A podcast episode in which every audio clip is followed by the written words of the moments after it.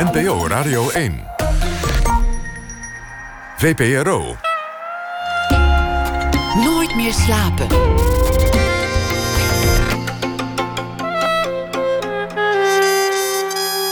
Met Pieter van der Wielen. Goedenacht en welkom bij Nooit meer slapen. Over superhelden en superkrachten gaat het na één uur. De natuurkundige die het allemaal zou willen nabootsen, hoort u. En ook eh, Michael Minnebo, die schreef een boek, Mijn vriend Spider-Man. Jan Douwe Kroeske komt op bezoek. Hij maakte heel veel programma's, maar zal toch vooral in ieders geheugen blijven staan vanwege de twee meter sessies van James Taylor tot Crowded House en Aerosmith. Veel grootheden kwamen langs en namen in twee uur een liedje op in zijn studio. Het is een 30-jarig jubileum. En daarover zal hij zo meteen eh, vertellen, want ze gaan het ook vieren. Maar we beginnen komend uur met Joke Charlesma. Zwaar metaal heet de voorstelling van theatergroep Carver... samen met Raymonde de Kuiper, Beppie Melissen en Leni Brederveld. Vier vrouwen op leeftijd treden nog steeds op... in hun zwart geklede rockact. Ook al zijn de gloriejaren zonder enige twijfel voorbijgevlogen. Het geheugen rammelt... De hoogtijdagen die zijn er niet meer. En wanneer bepaal je nou eigenlijk dat het allemaal wel mooi is geweest? Het is wrang en hilarisch theater, zoals je zou kunnen verwachten van Carver. Joke Chalsma is eh, verder vooral bekend als toneelspeler. Heeft ontzettend veel eh, theater gemaakt. Bij heel veel gezelschappen speelt al zo'n 30 jaar nagenoeg onafgebroken. Deed ook televisie, Hertenkamp, De Daltons, Gooise Vrouwen en zo nog wat series. En was ook in de bioscoop te zien, onder meer in de film Nienke, de film Wild Romance over Herman Brood en de film Aan Moddervakker. Joke Tjalsma werd geboren in 1957 in Sneek. Joke, hartelijk welkom. Dankjewel. Eigenlijk in de wieg gelegd om gewoon een, eh, een middenstandsmeisje te worden, om in de winkel te gaan staan. Nou, dat je daar nou over begint. Ik heb de lagere detailschool gedaan. Toen heb ik de middelbare detailschool gedaan. Mijn vader zat in uh, zaken en die uh, leek dat wel uh, fijn. Maar toen dacht ik toch, nee, nee, nee, dit, dit, ik ga de HAVO nog doen. Want dat heb je nodig voor de toneelschool. Dus dat heb ik toen nog gedaan. Je wist al dat je naar toneel wilde? Ja, dat wist ik eigenlijk al van heel jongs af aan, ja. Hoe kwam dat? Ja, ik weet niet. Ik denk dat dat kwam doordat we natuurlijk op de, op de lagere school... deed je ook al stukjes spelen. En dat vond ik heel erg leuk. En ik ging ook wel zelf... Ik wist helemaal niet wat nou regi, regi, regisseur was. Maar ik ging wel bepalen wie waar moest staan... en wanneer iemand wat moest zeggen. Ik ging dan zelf stukjes maken. Al zo jong? Nou, dat was dan wel heel jong, maar ja, zo tien als je op de lagere school zit en uh, speelt. En bij ons in de garage dingen doen. En, uh, en wat mijn inspiratiebron was eigenlijk, ja, dat klinkt een beetje raar, maar uh, je had vroeger op de tv, wij zijn Mick en Mak uh, malle vrienden of zo, die wij waren, is ons eindeloos gemak. Uh, dat vond ik heel leuk. En dan had je een schutting. En ik wou altijd weten wat er nou achter die schutting was. Ik kwam altijd boven die schutting uitkijken. Maar ik dacht, daarachter wil ik wel eens kijken. Dat heeft me altijd gefascineerd. En ook, ja, toen ik heel klein was, op de kleuterschool zelfs hadden we een soort podium in dat zaaltje... waar wij dan als kinderen moesten zitten. En soms mochten we het podium, maar dat hing ook een groot gordijn. En we mochten nooit achter het gordijn. En dan moesten we bijvoorbeeld uh, weer spelen van, uh, in een groen-groen knollen, knollenland. En, die, en, die, en dat konijn wat geschoten werd, dat moest dan uh, op, voor het doek blijven. Maar dan wilde ik ook wel eens die anders zijn, want ik wilde achter dat doek. Maar dat mocht dan nooit. Je moest altijd het konijn zijn dat geschoten ja, werd. en dat, dat, dat, dan, nou ja, hoe vaak is het gebeurd, denk je. Maar ik wilde erachter, dus dat zei ik ook, maar dat mocht dan niet. Juist als je het vraagt als kind mag het al helemaal niet. Eigenlijk gek dat, dat zo'n droom ontstaat. Niet omdat je op het podium wil staan, maar omdat je erachter wil kijken. gefascineerd door wat erachter is. We de coulissen. Ja, de coulissen. Want mijn, mijn grootouders die woonden dan in een klein dorpje. En dan had je zo'n buurthuis. En daar hadden ze ook van die geschilderde decors. Nou, daar wilde ik wel in verdwijnen. Vond ik geweldig. Van die bomen nageschilderd en uh, bloemen. En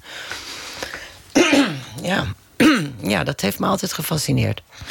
Het had maar een, een beetje anders hoeven lopen. Ja, dat, dat, dat geldt natuurlijk altijd voor alles. Dat iets maar een beetje anders had hoeven lopen. Maar in dit geval was het, was het zo dat je, je twee ooms tragischerwijs om het leven kwamen bij een verkeersongeluk. Ja. Waardoor, waardoor alles anders liep, want, want er moest een winkel verkocht worden. Ja, maar dat, toen was ik nog niet geboren. Maar, dus... maar dat was wel heel dramatisch, ja. Uh, mijn twee ooms mijn oma was al weduwe en toen verloor ze ook nog haar zoons op een motor. Het was een heftige avond en het was glad waarschijnlijk. En uh, Twee jongens van 20 en 21. En mijn moeder was ouder, die was met mijn vader getrouwd. Ze hadden al een paar kinderen. En mijn, moeder, mijn vader had een winkel en die heeft hij toen verkocht omdat hij uh, de inboedel toen aan mijn uh, oma heeft gegeven... zodat hij weer een klein winkeltje kon uh, drijven. Want hij had geen inkomen meer. Daardoor had jou, jouw vader geen winkel. Nee. En dan had hij wel een winkel gehad. En dan was het nou ja, meer dan logisch geweest dat jij daarin was komen te werken, denk ik. Denk je? Ja, zo gaat dat toch? Of, of, of hoeft dat niet? Ja, nou nee, want nou ja, als het een grote supermarktketen was geworden, misschien. Maar ik had nog meer broers en zussen, hè, boven mij. Eén broer en nog drie zussen. Nou, ik weet niet of dat zo ik weet niet. Ik denk dat ik toch wel een geboren toneelspeler ben. Je denkt dat dat er hoe dan ook van gekomen ja, was? dat denk ik, ja. Wat vonden je ouders ervan toen je, toen je voor het eerst vertelde dat, dat dat je droom was? Ja, want ik heb het heel lang stilgehouden. Hè. Ik, ik, ik sprak daar niet over, want ik dacht... voor meisjes als mij is dat niet weggelegd. Maar uh, uiteindelijk heb ik toch voor besloten. En toen zei mijn vader, nou, dat wil ik dan wel betalen. Die reis naar Maastricht. En uh, moest ook geld voor die school betalen natuurlijk, voor je introductie. Zei, dat wil ik wel betalen, maar het zal wel een blauwe maandag zijn. Hij geloofde er niet in. Nee. Maar hij gaf me wel toestemming, want ik had ook wel vriendinnetjes. Nou, uh, die wilden dat dan ook wel, maar die vaders die wilden dat echt niet. Maar van mijn vader mocht ik het wel proberen. En later heeft mijn vader ook wel, dat vond ik wel heel mooi... mijn vader leeft niet meer, maar uh, toen... Uh, eerst dacht hij toen ik klaar was van school dat ik naar de grote groepen moest. En toen zei ik, nou dat wil ik niet, ik wil uh, iets anders uitzoeken. En toen zei hij, Joke, dat is angst. Je, je, je moet het wel doen, want het is angst. Zeg ik, nee vader, dat is geen angst, ik wil het zo. En toen een paar jaar later, toen, heeft hij, uh, toen ging hij fietsen door Nederland en België. En toen kwam hij ook in Amsterdam bij mij in het repetitielokaal. Ik was toen aan het werk met uh, Dirk Groeneveld en Tom de Ket. Wij maakten een voorstelling die heette Kijkdagen. En het ging over het leven van Man Ray en Lee Miller. En... Uh, mijn vader komt dus dat repetitielokaal in. En er staat alleen maar een flap over en een tafeltje met drie stoelen. En mijn vader dacht bij zichzelf, nou, dit wordt natuurlijk helemaal niks. Hij en zag toen, geen decor, hij zag, hij zag geen helemaal grote niks. kast. Nee, is Nee. niks. Dat is toch geen toneel. En toen later, toen de voorstelling dus bijna klaar was... en toen heb ik hem een beetje wat uitgelegd over die kunstenaar... zodat ik dacht, dan is het niet helemaal vreemd voor hem. En toen zag hij die voorstelling... En toen wist hij niet wat hij zag. Toen zei hij, nou heb ik het begrepen, ja. Nou, nou uh, heel veel respect, ja. Want toen stond er ineens wel van alles natuurlijk. Maar dat is, dat is toch een mooi moment als hij het Ja, dat begrepen was heel heeft. fijn. Dat was dat, heel dat hij het gezien Ja. heeft. Ja, Je hebt ook in, in Friese films gespeeld. Ook, ook zo nu en dan zelfs in het Fries, meen ik. ja zeker, ja. Bet- betekende dat dan ook iets, iets voor hem? Want, want, want hij was ook een echte Fries. Nou, dat was wel... Ik was net van de toneelschool... en toen mocht ik met Pieter eh, Verhoef de film De Dreer maken. En dat vond ik natuurlijk wel heel leuk tegen, tegenover mijn ouders. De première was ook in Leeuwarden, dus mijn ouders waren er ook, ja. Ja, daar was hij wel heel trots op, ja. Maar, hij hoe- was sowieso trots hoor, op alle... Hij zag alles van me ook. Het, het, het zat wel goed in die zin. Ja, Waarom dat. Maastricht? Waar, waarom wilde je zo graag naar Maastricht? Want, want er waren er meer. Je had naar Amsterdam gekund, je had naar Antwerpen gekund, je had naar Arnhem gekund. Nou, Antwerpen, dat wist ik toen nog niet hoor. Dat bestond eh, nog niet in dat jouw was, hoofd. Nee, dat was veel te ver natuurlijk. Dat is buitenland. Maar ehm, Arnhem wist ik van, dat had ik dan zo'n beetje gehoord. Dat was heel politiek georiënteerd. En daar was ik wel heel erg in geïnteresseerd. Dat vond ik wel heel erg spannend. Maar ik dacht, nou, dat, maar dan val ik door de mand of zo. Want ik weet er echt te weinig van. Ik hield er wel van, maar ik, dacht, ik kan me daar nooit over uitspreken. En Amsterdam dacht ik, ja, dan ga ik verdrinken in de stad. Ik was best wel een, een, een redelijk wild iemand. En eh, ik dacht, nee, dan ga ik op rare plekken in Amsterdam ga ik opzoeken. En, eh, dus ik heb voor Maastricht gekozen en dat was het dan ook. Daar werd ik aangenomen, dus ja. En daar ging je. En daar ging ik, daar heb ik vijf jaar gezeten. We zijn inmiddels, eh, nou ja, wat is het, 40 jaar verder. Zo bijna. Van, vanaf, dat, eh, vanaf dat moment. Vrijwel onafgebroken gespeeld. Ja, Je hele leven is dat geweest. Ja. Ja. film, tv, maar toch vooral toneel. ja, Weer een productie. Nou, eindeloos repeteren. ja je eigenlijk verdiepen wel, in je rol. eigenlijk wel idioot dat je altijd maar iemand anders bent. Altijd maar, ja, dat, dit is jouw leven. Ja, dat eh, soms denk ik wel, hoe zou het geweest zijn als ik niet toneelspeelster was geworden? Wie zou ik dan geweest zijn of zo? Want ik weet niet beter dan dat je je verplaatst of eh, ja, uitzoekt hoe zit dat dan uh, bij zo'n personage. Of, uh... Komt er dan een antwoord als je die vraag stelt? Wat was er gebeurd als ik het niet was gaan doen? Zie je dan een, een alternatief scenario dat nou, ook wel Misschien een rustiger, is? een rustiger iemand. Ik bedoel, ik kom vaak op die gedachte als ik me een beetje overspannen voel. Als ik me een beetje te... Dat ik het niet allemaal meer goed bij elkaar hou. Of, uh, hè, dat kan je wel eens hebben, dat je dan... Ja, hoe zou ik dat zeggen? Op het punt staat om ja, te flikkeren. Ja, zo'n beetje zo tegen het overspannen aan. En uh, waar moet ik het zoeken? Dan denk ik wel eens van, oh god... Hoe, hoe is dat voor anderen eigenlijk, die niet, die niet altijd spelen? Ben je wel eens overspannen geweest? Nee, niet echt. Maar ik heb wel eens het gevoel dat ik er tegenaan zit of zat. Nu even niet meer. Ik heb net een maand vakantie gehad. Nu we weer doorgaan met Carver. Dus ik ben wel flink uitgerust. Maar, maar van, van, de, van de 30 jaar dat je speelt, hoeveel, hoeveel jaar heb je tegen, tegen overspannenheid aangezeten? Nee. Niet in jaren? Nee. Ik ben nooit overspannen geweest. Nee, maar... er tegenaan? Ja, nou. Misschien in elke productie wel een beetje. Even, als je even. Ja, als je het zo moet maken en dan kan de spanning zo oplopen. En dat je nog niet echt je senang voelt bij wat je doet. Of uh, dat je denkt, het moet nog anders. En als anderen daar dan weer heel anders over denken... ja, dat kan soms wel een grote spanning geven. Maar nee, ik ben niet echt... Ik ben nooit overspannen geweest. De, dat denk je dan soms. Burn-out. Nee hoor, dat heb ik nog nooit gehad. Maar goed, er is wel altijd, altijd druk geweest. Het is ja, niet, altijd druk. Het is niet een zonovergoten leven met, met altijd de wind in de rug geweest. Nee, Zo nee, moet ik het ook nee, wel niet zien. Nee, Hoe leuk je het ook vindt. Nee, zeker niet. En, en zeker, ik ben altijd mijn hele leven freelancer geweest. En dat is ook best zwaar. Want ik moet altijd maar weer kijken naar uh, nieuwe opdrachten of nieuw werk. Of, of zelf weer wat gaan ondernemen met mensen die ik zie zitten. Ja, dat is toch altijd een hele klus. Ben je, ben je er wel eens tussenuit geweest een periode? Heb je wel eens gedacht, nou, nu even, even niet? Een, een lange wel eens vakantie, gedacht, een sabbatical? Wel eens en- gedacht, nee. Wel eens gedacht, maar het is er nooit van gekomen. Nee.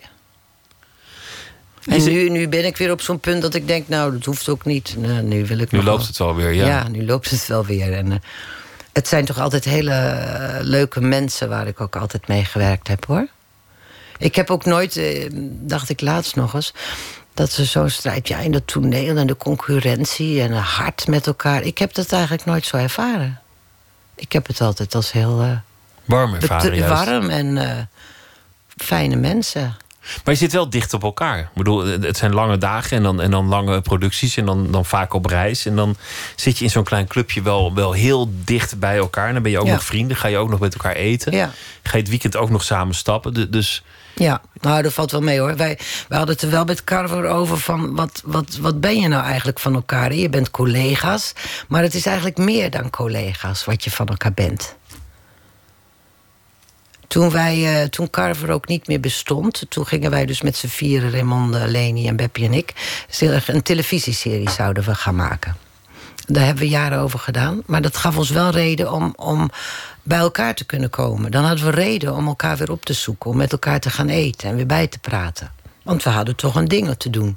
Want anders zouden jullie zouden het niet Anders zomaar dan- afspreken. Nee, nee, dat, dat, nee, Niet, nee, niet een hobby nemen van kom, eh, ik, ik maak Nee. kaas van en jij neemt het brood mee. nee. Nee, dat doen we niet. Ik moest nog naar ergens anders aan denken wat je net zei, maar... Het is gewoon uit mijn hoofd gevallen net. Eh, nou ja, nee. Ik moest de- denken aan iets anders dat, dat, dat jij zei. Namelijk dat, dat het voor jou is je verplaatsen in het personage dat je zelf gecreëerd hebt. Ja? In, in je rol eigenlijk. Dus het is ook een permanente oefening in empathie wat je aan het doen bent. Ja. Ja, dat dacht ik net ook, ja. Niet dat ik nou zo'n empathisch figuur ben, maar eh, mens ben, dat weet ik niet. Maar eh, ja, dat is wel zo. Je bent wel heel snel... Je, je kan je heel veel dingen voorstellen. Eigenlijk kan ik me alles voorstellen.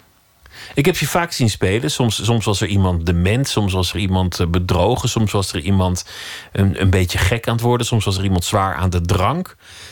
Of, of, er waren gewoon andere omstandigheden. Maar jij maakt altijd een personage dat een soort waardigheid omhoog probeert te houden tegen de storm in.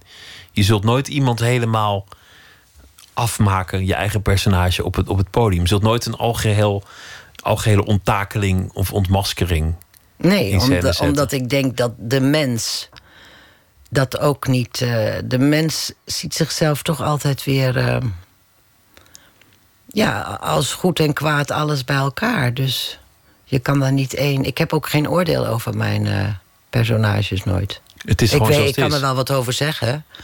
Wat, het- wat ik bij de ene personage leuk vind en bij de andere. Dat ik één personage een eh, onsympathiek iemand vind. Maar je laat altijd weer dat. Ik, ja.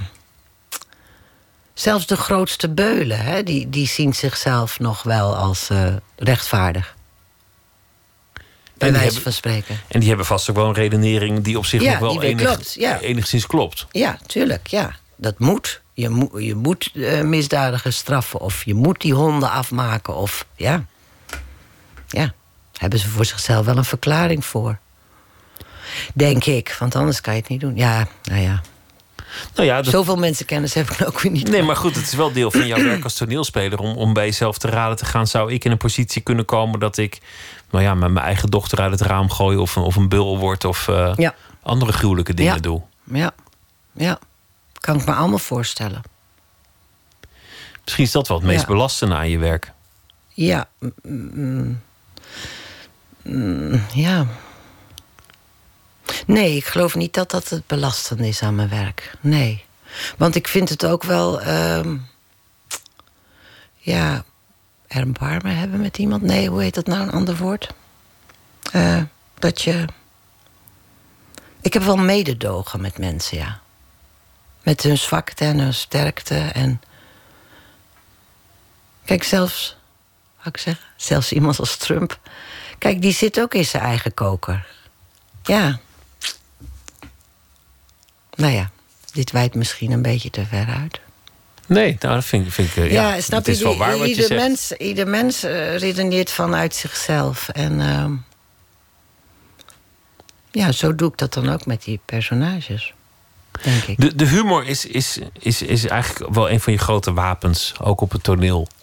Mhm. Is, is er een moment geweest dat je, dat je hebt gekozen voor de, voor de humor? Dat je dacht, oké, laat, ik, laat ik die kant op gaan, want dat, dat, dat ligt me goed. Of, of laat ik die rollen vaker aannemen? Of is dat gewoon ontstaan? Dat is ontstaan, ja. Ja, ik hou er heel erg van natuurlijk. Het is niks leukers dan wanneer mensen om je moeten lachen... door eh, een gezicht wat je trekt of hoe net je die opmerking maakt. Ja, dat is heerlijk. Dus dat, dat, dat vind ik wel heel fijn. Maar ik vind het ook heerlijk als ik mensen aan het huilen kan maken. Ook leuk kan natuurlijk. ook, hoor. Kan je ook. Ja. Maar het is, het is ook met alle dingen waar we het net over hadden: van, van dat het zwaar kan zijn, dat er stress kan zijn, dat er, Mhm. eh, dat er andere problemen zich voor kunnen doen. Dan, dan, dan is humor natuurlijk eigenlijk ook de, de snelste remedie. Mhm. Als, je, als je dan bij jezelf de humor er weer in fietst, dan, dan gaat het ook allemaal Ja, wel weer. En de relativering. Ja. Zullen we voor we over eh, de voorstelling gaan praten, luisteren naar Den Auerbach? Want die, eh, die heeft zo'n mooi album gemaakt. En dit nummer staat erop. En het is eh, Malibu Man.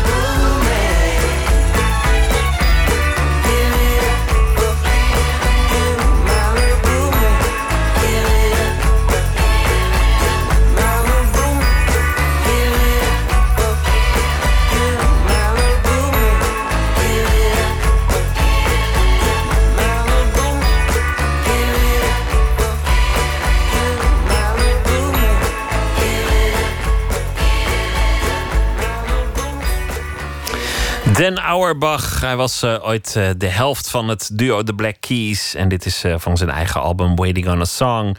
Malibu Man. Nooit meer slapen. Joke Charlesma zit tegenover me. Naar aanleiding van de nieuwe voorstelling van theatergroep Carver. Zwaar metaal heet, heet die. We hebben het gehad over het acteren. Dat je al heel jong wist dat je dat wilde gaan doen. Want je was zo benieuwd wat er achter het podium gebeurde. En achter het decor van de televisie. Dat was je nieuwsgierigheid. Niet zozeer op het podium staan. Wat toch een interessant punt is, omdat uiteindelijk voor veel mensen de motivatie is om in het licht te staan. In de aandacht, in de spotlight, op het podium, op de planken, in Ja. het vizier. Grappig, hè? Ja. Dat heb jij niet zo. Nou ja, ik, ik zag die wereld van eh, op tv. Van die Mick en die Mak dus. En ook van vrouwtje Bezemsteel. Die dan weer een verhaal ging vertellen waar je dan in kon. Wat Ja, een mooie titels dat- zijn dat, hè? Vrouwtje Bezemstil en eh, Nick en Nak en eh Nick en Mak. Ja. Oh, Okkie Trooi, ook geweldig. Ja, dus, dus da, da, die, ja, dat wilde ik. En dat was niet eens zozeer, ik wil dat persoon zijn... maar ik wil ook die verhalen vertellen en dan daarin duiken, denk ik. Is dit dat je nooit heeft geïnteresseerd? De, de, de aandacht, roem, de, de glamour. Nou, aandacht, welke glamour? aandacht wel, hè, aandacht wel Ja. hoor, ja. Aandacht wel, nou van glamour word ik een beetje onhandig. Dat eh, vind ik onhandig. Maar aandacht natuurlijk wel. Dat vind ik wel heerlijk. Ik vind het ook heerlijk als ze moeten lachen en huilen. En het is ook belangrijk dat ze je zien of zo. Dat komt ook mooi in die tekst van Carver. Eh, als wij op het eind van ons... eh, nou ja, wij moeten ophouden als band. En dan zegt Beppie ook heel mooi van... eh, nou, we moeten het ze niet kwalijk nemen... dat ze niet meer weten wie we zijn. En wie we waren. Dat, eh, dat moet je niet erg vinden. Want wij weten wel wie we waren. Maar ja, dat zij dat dan niet meer weten... Dat ze je naam ook niet meer kennen. Zo gaat natuurlijk ook met toneel. En eh, dat vind ik wel... eh, ja, dat vind ik wel boekdelen spreken. Als je het over aandacht hebt, dat, ja, dat verandert natuurlijk. En dat moet je niet erg vinden. Maar voor jou is het ook gewoon het maken van een voorstelling. En, ja, en dat het, vind ik het allerfijnst. het onderwerp uitdiepen, het Ja. personage. Bijna, Ja. bijna als een onderzoeker. Ja, dat vind ik het fijnst, ja. Als een onderzoeker, ik vind het ook altijd fijn als ik er weer wat van opsteek. Voor jezelf. Ja, voor mezelf, ja. Nou, dat- in- ik heb de- nooit gestudeerd, maar ja, de toneelschool, maar dat is niet echt studeren, dat is leren. Maar echt een studie, ja, dan kan je je ergens in verdiepen. Ja, dat vind ik wel fijn. Het zijn nogal wat onderwerpen die in de loop der jaren zijn langsgekomen.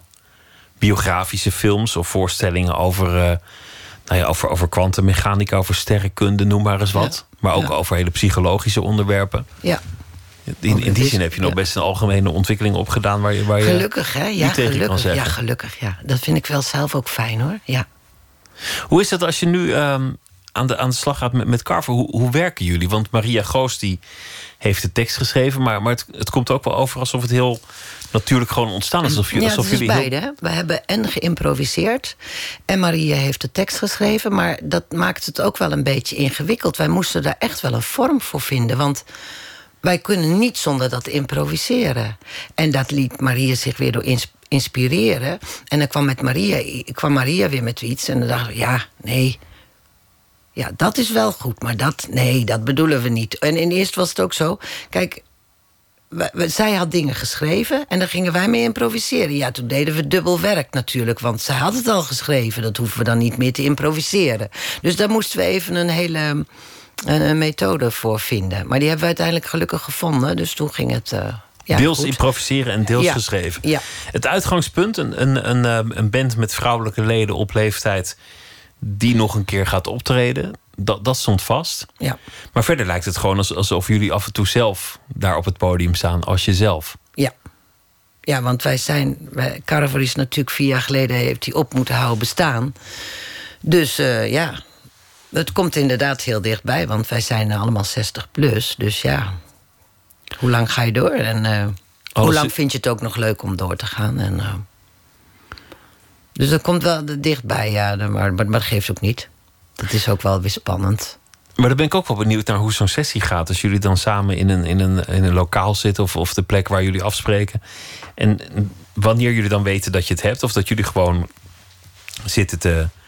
Wat wij te- doen is, eh, wij, wij eh, gaan de vloer op met een idee. Nou, ik weet nu even niet wat idee, maar bijvoorbeeld dat we Chinees gaan halen, die scène heb je ook gezien. Dat we wat moeten gaan eten en hoe dat dan gaat. En we nemen we ons niks voor. Dan gaan we de vloer op, zetten we de camera erop. En dan gaan we improviseren. En soms gebeurt er een tijdje niks. En dan, dan eh, staan we soms een uur te improviseren. En het materiaal waarvan we denken... nou, dat was volgens mij wel een goed stukje. Dat gaan we dan nakijken. En dat gaan we dan uitschrijven. Zo hebben we het altijd gedaan. En wanneer is het goed als, als jullie bij het terugkijken zelf heel hard moeten lachen, of, of, of juist niet? Mm. Nou, nee, niet alleen maar lachen. Soms als we heel erg moeten lachen, denk ik, ja, dat is goed, dat houden we er ook in. Maar het hoeft niet altijd om te lachen te zijn. Soms halen we er maar een klein stukje uit. Denk je, ja, dat is wel goed, dat bewaren we. Dat was een mooi stukje. En dan moeten we het soms daarna nog weer eens wat meer uitwerken. Of, uh, of zo met Maria gewerkt. Dus dan gaat Maria ermee aan de slag. Ja, zo. Kan je er iets bij voorstellen wat ik zei? Of kan ja, je ja. voorstellen? Want we zitten niet zoveel aan... We zitten ook wel aan tafel, maar we gaan ook heel snel altijd die vloer op. Gewoon Daar vinden we ook niks aan hoor. Dan zeggen we, dan moeten we de vloer op. Maar goed, we doen het altijd maar wel. maar de plek waar het allemaal gaat gebeuren en daar, daar, daar ontstaat die, die ja. voorstelling. Ja. En daar ontstaat ook uh, wat je wil. Mijn, mijn karakter, dat had ik helemaal niet bedacht hoor. Maar in de improvisaties was het nogal hard wat ik allemaal deed. En een beetje, dat is allemaal weer wat minder geworden in de voorstelling. Maar wat grof en daar had ik dan zin in. Heel grof en... Uh, en dat, dat, bewaar, ja, dat bouw je dan maar op verder. Denk je, oh, laat mij maar zo in zijn. Dan krijg ik ook nog van die laars aan. Ik heb veel te grote laars aan. Denk je, oh, dat helpt me wel. Ja. Een beetje jaren tachtig uniform in, in, ja, in, uh, een beetje shocken. Wat toen de alternatieve scene was. Veel zwart, veel laars, veel ja, uh, ja. legerkist, veel haar. Ja, veel, ja. dat veel alles. Cardi Everaars, die heeft onze kostuums gedaan. Die was er eigenlijk niet bij betrokken. We hebben met een hele ploeg van jonge mensen gewerkt. En... Uh, uh, want mijn oude ploeg, ja, dan zouden we weer geen subsidie krijgen, want we waren afgeschreven.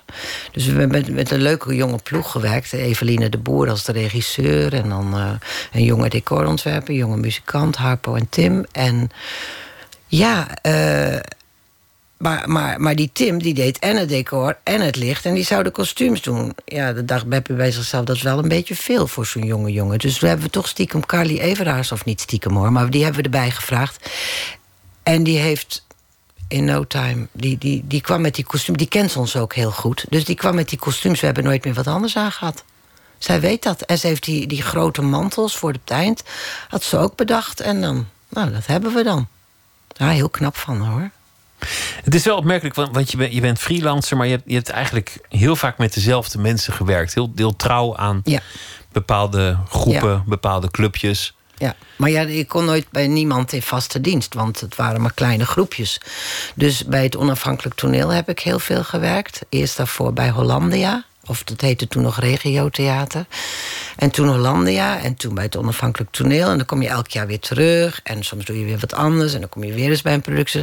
Zo heb ik dat ook met Carver gedaan. Want Carver maakte ook maar één per jaar. En daar kon ik natuurlijk niet van bestaan.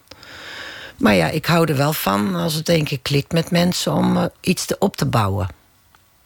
Het is, een, het is sowieso een, een apart gezelschap, natuurlijk een bijzonder gezelschap. Maar ook inmiddels een wonderlijke geschiedenis, Carver. Het, het, heeft alle schijn van een, van een vaste groep, terwijl de, ja, de, de gedaante waarin het gebeurt eigenlijk anders is, steeds. Ja, maar het is toch wel een vaste kern van mensen, hè? Ja, zeker. Ja, want, want het was natuurlijk altijd met René van Hoff en Leni Bredeveld... en uh, Jim van der Woude of Helmut Woudenberg. Maar ja, en toen ben ik erbij gekomen. Toen gingen Leni en René een tijd weg, of weg. Nu is Leni er dan weer. Ja, en Raymonde was er natuurlijk wel af en toe bij. Het, is niet zo... En wel eens wat gasten. Ik weet dat Hans Dagelet en Jules Vrijdag wel eens meegedaan hebben... en misschien nog wel meer. Maar, maar het is maar een kleine groep. Kleine groep mensen ook waar steeds uitgeput werd, hoor, toch? Of heb jij dat idee van niet? Nee, ja, nu, het, nu het zo zegt. En soms lees je Carver houdt op en dan, dan gelukkig is Carver weer terug. Ja, nu zeggen ook of mensen die zo uit de smoes aankomen, bellen we vandaan. Die zeggen, nou jullie moeten wel doorgaan hoor. Nu weer een volgende hoor. Jullie moeten niet ophouden. Maar ja, dat is niet alleen aan ons natuurlijk. Nee, daar, daar ga je zelf ook niet over. Nee. De, de personages die krijgen ruzie over waar de hits eigenlijk over gaan. Over ja. het ouder worden. Het geheugen dat, dat verlaat ze. Maar intussen staan ze ook nog vol in het leven. En jouw personage die, uh, die heeft ook nog minnaars en, en, en geliefden. En uh, Die is Nou, op vooral alle- die ene man. Hè? Vooral die ene man, ja. Het, het gaat ook nog een beetje over, eh, over, de, over de seks. Die, eh, Ja. er, wordt- er wordt over, over verteld. Ja. Hoe dicht bij- bij jezelf blijven jullie eigenlijk? Want, want je, je zei van ja, het gaat eigenlijk ook een beetje over Carver, misschien in de verte. We zijn zelf ook van die leeftijd. We spelen Ja. zelf ook al heel lang samen. Ja, nou die seks is wel van mij. Ja, dat vind ik wel leuk om daarover te praten. Ook om daar eh, de gek mee te zijn. Ik meen het ook wat ik zeg in de voorstelling. Dat seks, eh, dat, dat kom je niet zomaar even aanvliegen. Dat moet je echt leren. Dat kan je ook leren. dat Seks kan je leren, Ja, ja. natuurlijk. Je, je kan... Ja, daar is nog zoveel in te ontdekken. In ons Calvinistische land, het wordt wel wat breder... maar natuurlijk, je kan, eh, je kan daar naar kijken. Net zo goed als je door mediteren dingen kan leren... kan je ook door bepaalde ideeën over seks eh, verder komen. Dat klinkt ook een beetje spiritueel, zoals je ja, het ik zegt. ben heel spiritueel hoor. Ook op het gebied van de seks. Ja. Nou ja, ja, ja, ja, ja. Want je, je hebt wel eens een cursus tantrische seks Ja, gedaan. d- dat heb ik gedaan, ja. Daar wat- weet ik het van. Meerdere cursussen zelfs. Meer dan, wat, wat leer je dan? Wat is dat? Eh, nou, waar, waar, kijk, zij zeggen je seksuele energie, eh, je levensenergie, je, je, je seksuele omzet, eh, energie omzetten in je levensenergie. Dat heeft met elkaar te maken. Seks is natuurlijk iets, iets aparts in ons. Waar worden we door gedreven? Hè? Waar, wat is die seks eigenlijk? Nou, wat je leert is om heel erg in contact te komen met elkaar. Je, bent wel geneigd, nou, laat ik voor mezelf spreken, ik was geneigd om te denken wat die ander dan prettig vindt. En dan ga je dat maar lopen invullen. Terwijl je soms weet helemaal niet wat die ander prettig vindt. Je kan beter laten zien wat je zelf prettig vindt. En dan kan je dat delen met elkaar. Dus naar, naar binnen toe gericht eigenlijk. Met, Ja. met de, met het cliché dat je altijd hoort over tantrische seks... is dat, dat, dat het heel lang seks, maar zonder uit klaar te komen is. Ja, zeg. Dat je het eindeloos De moet cliché, rekken. Ja, dat is voor iedereen. Weet je wat ik nou zo goed vind aan die tantra? Dat je juist helemaal jezelf mag zijn. Dat wat jij, als je ook een rare idee eh, of eh, een rare behoefte hebt in seks, nou, dan, dan, dan is dat het. Eh, Ik bedoel, rare behoefte. ehm, Een ja, je behoefte. eigenaardigheden hebt, eh, die hoef je dan niet weg te poetsen.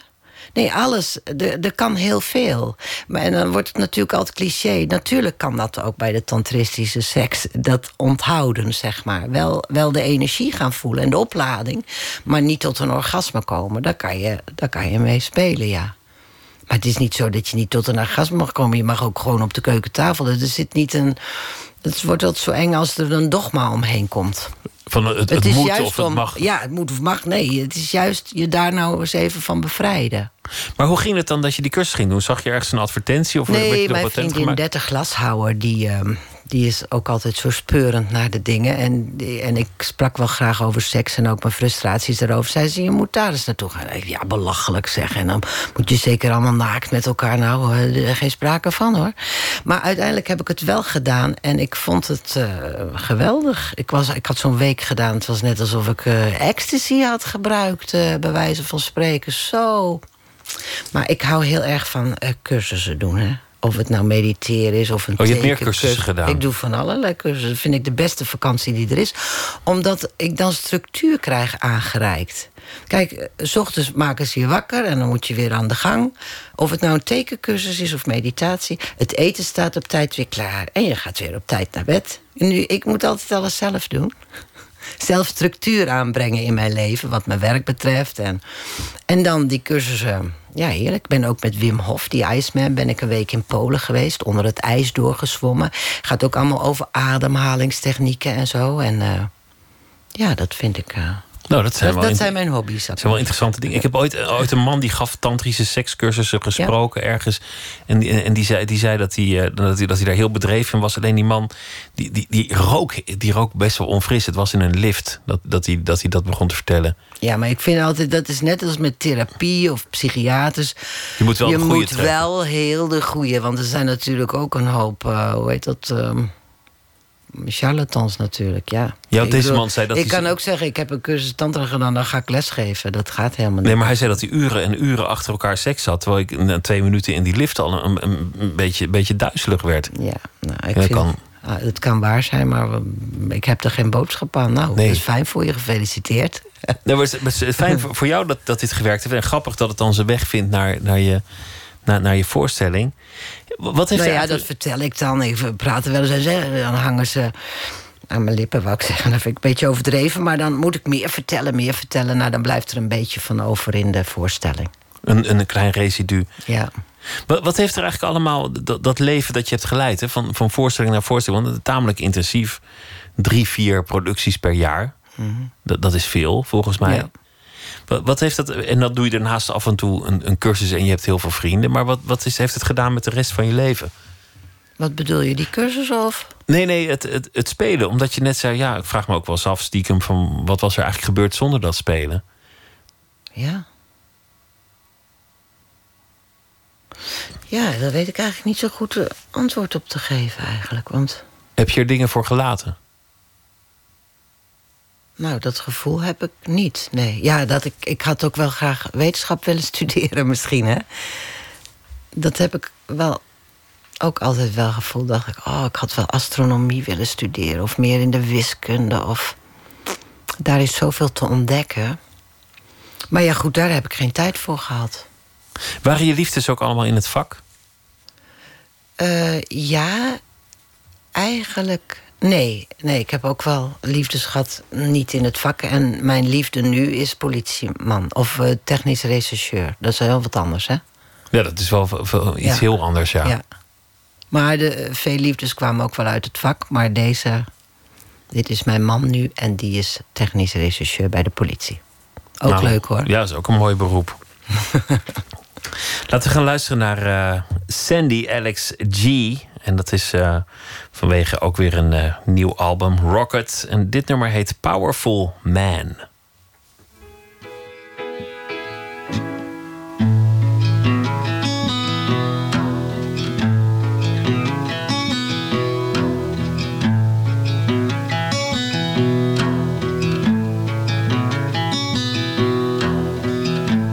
Davey broke the again. This time he's going to the pen. Guess I didn't eat my lunch. Cause I was gonna miss him a whole bunch. Maybe he was out of line, but he was still a pretty close friend of mine.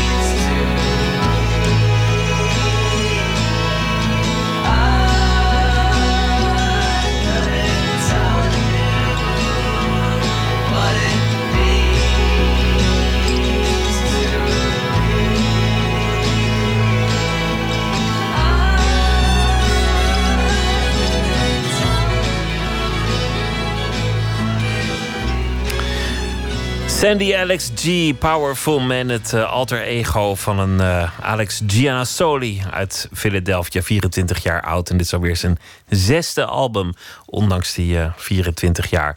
Joke Tjalsma zit tegenover me naar aanleiding van theatergroep Carver... met een eh, nieuwe voorstelling Zwaar Metaal te zien in eh, Amsterdam in Theater Bellevue. En eh, we hebben het gehad over, eh, over je jeugd. Een, middenstandsgezin waar je ouders geen winkel hadden door het noodlot. Dat twee ooms op een eh, motorfiets overleden op, op relatief jonge leeftijd. Waardoor je vader geen winkel had, maar een andere baan moest zoeken. Maar dat had er niks mee te maken dat jij het toneel inging. Want je zei dat was toch niet gebeurd dat ik in een winkel was gaan staan. Ook al had je de lagere, de, de middel en de, de bijna hogere middenstandsschool wel afgemaakt. Je was vooral benieuwd wat er gebeurde achter de coulissen. Niet zozeer wat er op het podium gebeurde. En zo kwam je via de toneelschool in Maastricht terecht bij de wereld van het toneel. Je hebt ook heel veel film gedaan, heel veel televisie gedaan. Maar ik heb wel de indruk dat toneel je eerste liefde is. En je Ja. grootste interesse. Dat is het ook, ja. ja, ja. Ja, ik vind het heel leuk hoor, film ook. En eh, vooral zeker, eh, als ik met Rita Horst eh, heb ik net ook weer gewerkt, of van de winter, met eh, eh, Babs, zo- bij KPN-serie. Maar en met Rita had ik natuurlijk die film Iep gemaakt. En eh, dat vind ik dan ook heerlijk hoor, om te doen. Ja, dat vind ik ook leuk. Film en televisie leuk. Maar, maar dat is zo'n basis, hè, dat, dat, dat theater. Omdat je dag in, dag uit dat doet. Je kan het film zelf bepalen. En film ben je toch een beetje ja, overgeleverd aan wat zij willen. En, Welke scènes zij gebruiken, welke takes Ja. zij ervan pakken, welke Ja. camera er toevallig Ja. Stond ingesteld. Je, je, weet eigenlijk heel zelf maar dienstbaar weinig. ben je eigenlijk Ja. dan. Ja, Je doet relatief weinig en het resultaat is reusachtig. ja, ja, dat is ook weer zo, hè? En toen kwamen we te spreken over wat, wat toneel eigenlijk is. Een raar beroep, zei je, want je bent altijd maar iemand anders. Tegelijk vond je dat het mooie, de, de, de empathie. Je Mhm. verdiepen in een personage, maar ook je verdiepen in onderwerpen. We hebben het gehad over eh, dat je eigenlijk afvraagt dan op een gegeven moment met al je collega's... wat zijn we eigenlijk van elkaar? Zijn we nou vrienden of zijn we nou collega's? Hoe, zit dat eigenlijk tussen ons? En intussen gaat het maar door. Je hebt waarschijnlijk geen pensioen opgebouwd. Jawel, Jawel? beetje. Ja, Een want, beetje. want ik heb altijd wel bij gezelschappen gewerkt... die natuurlijk gesubsidieerd werden, dus... Ik denk dat dat nu minder is. De cao's zijn ook helemaal losgelaten in de kunsten. Maar toen ik van school kwam, had je natuurlijk gewoon cao. En, en ook pensioen werd afgedragen door de werkgever. Ja. Dat, dus ik heb wel wat opgebouwd, gelukkig. Het wordt nu wel steeds minder, want nu ga ik ook in vrije productie soms zitten... en die doen dat allemaal niet. En films doen het, tv doet het niet, en film doet het niet. Maar je bent er niet zo een die tot, tot het omvallen moet doorwerken. Nee, dat misschien wel niet, hè? Maar ik Ja. moet nog wel even, hoor. Nou, je wil ook en, nog, en je en wil ook nog natuurlijk wil ik dat ook. En ik weet ook niet eh, hoe het is al, tegen de tijd dat ik 67 ben. Misschien hebben ze het weer verhoogd, ik weet het niet. En je weet ook niet wat er met de pensioenen gebeurt. Ik, ik ga maar gewoon door. Ja, misschien dat die pensioenen dan ook weer in een Ja. van de woekerpolen zitten en, Ja. en dat er niks van overblijft. Nee, kan ook. Nee, nou ja, laten we Nou. het niet over pensioenen hebben. Dan, Nee. dan ligt iedereen zo ongemakkelijk te woelen in zijn bed. Nou, daar heeft mijn vriendin Ditte Glashouwer wel een mooie voorstelling met haar oude souvenir over gemaakt. Ik weet niet of je die gezien hebt. Nee. Nee. Over pensioenen. Wat, er ook zo, wat ik zo leuk vond aan die voorstelling ook... dat zij zijn als souvenir begonnen. Toen waren ze ook jong. En als je dan geen subsidie kreeg... nou, dan werkte je wel met behoud van uitkering. Dat vonden we allemaal heel gewoon. En de computer bestond nog niet. En, eh, en de, de wereld is zo veranderd. Sinds wij van school waren en hoe die er nu weer bij ligt. Dat vond ik wel grappig. Nou, even Ja. over de, hier sluiten we de pensioenen mee af. Dus, ja, laten we, laten we dat doen. Je had het terloops over wetenschap, een soort, een soort interesse van je. Want je, je doet graag cursussen, of het nou is Ja. onder ijs zwemmen of tantrische seks. Maar je, je hebt ook echt grote interesses en dan, dan duik je in een onderwerp. Zo heb je ooit een voorstelling over kwantummechanica gemaakt. En je, en je hebt een, een enorme interesse in alles wat met wis- en natuurkunde te maken Ja. heeft. En sterrenkunde. Ja. En eh, nou ja, Ik kan hele het helemaal onderwerpen. niet hoor. Ik, ik, wiskunde, nee. Maar ik ben gefascineerd in de manier van denken, ja. Ik heb dan met Jan van den Berg van eh, Ad Hoc... een paar voorstellingen gemaakt over de wiskunde... en over... eh, eh, wat hebben we nog meer gemaakt? Vorig jaar nog over Lucretius. Dus dan mag ik me daarin verdiepen. Lucretius is de eerste Griekse, eh, zeg ik moet het allemaal wel goed zeggen, maar die, die man die beschreef de natuur losgezongen van de goden, zal ik maar zeggen. Gewoon als een, een, een fenomeen op zich dat, Ja. dat een, een Ja, eigen werking ja. heeft. Ja. En niet alleen maar dat er iemand bovenaan een nee, touwtje nee, nee, treedt. nee, nee, daar kwam Lucretius mee. is erg mooi. Dus die dingen. En die kwantummechanica, ja, toen ik daarmee bezig was, wist ik natuurlijk ook niks van. Maar dan ga je ermee bezig. En toen had ik een hele leuke. eh via het Zuidelijk Toneel hadden ze me aan een wetenschapper geko- gekoppeld, Kees van Overveld. Geweldige man. helaas ook niet meer onder ons.